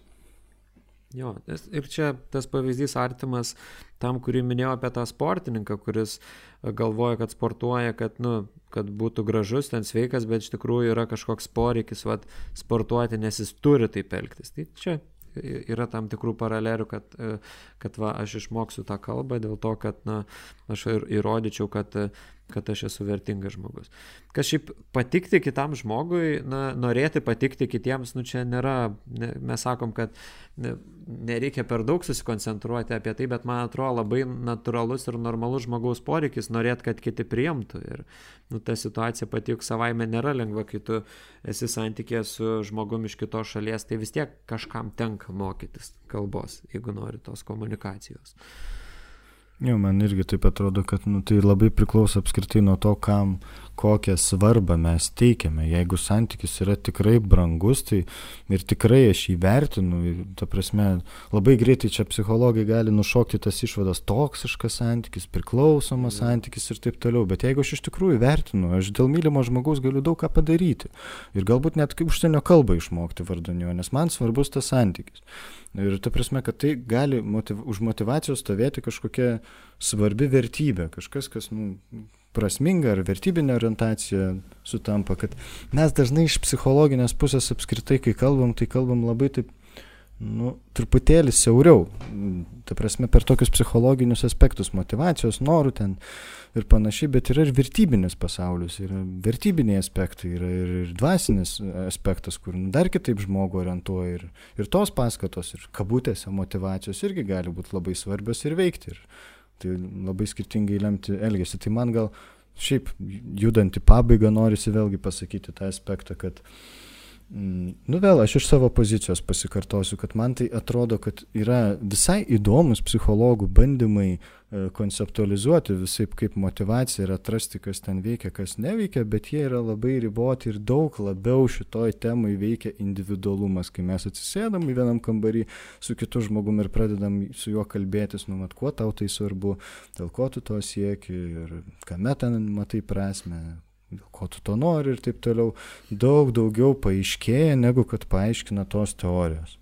Tai man norisi tą pasakyti, kad uh, perduoti tą žinią, kad kad ir kiek kokių ten seminarų priskaitysit ar priklausysit, turiu omeny išorinių kažkokių, e, kabutėse, faktų apie motivaciją ir kaip jinai veikia, man atrodo, niekas geriau nevyks, kaip nu, paties savęs supratimas, pažinimas, išsigryninimas, tai ko aš noriu ir kas man svarbu ir prasminga ir už ką esu pasiryžęs net ir pakentėti gerai, pasikankinti galbūt labiau taip sakyčiau.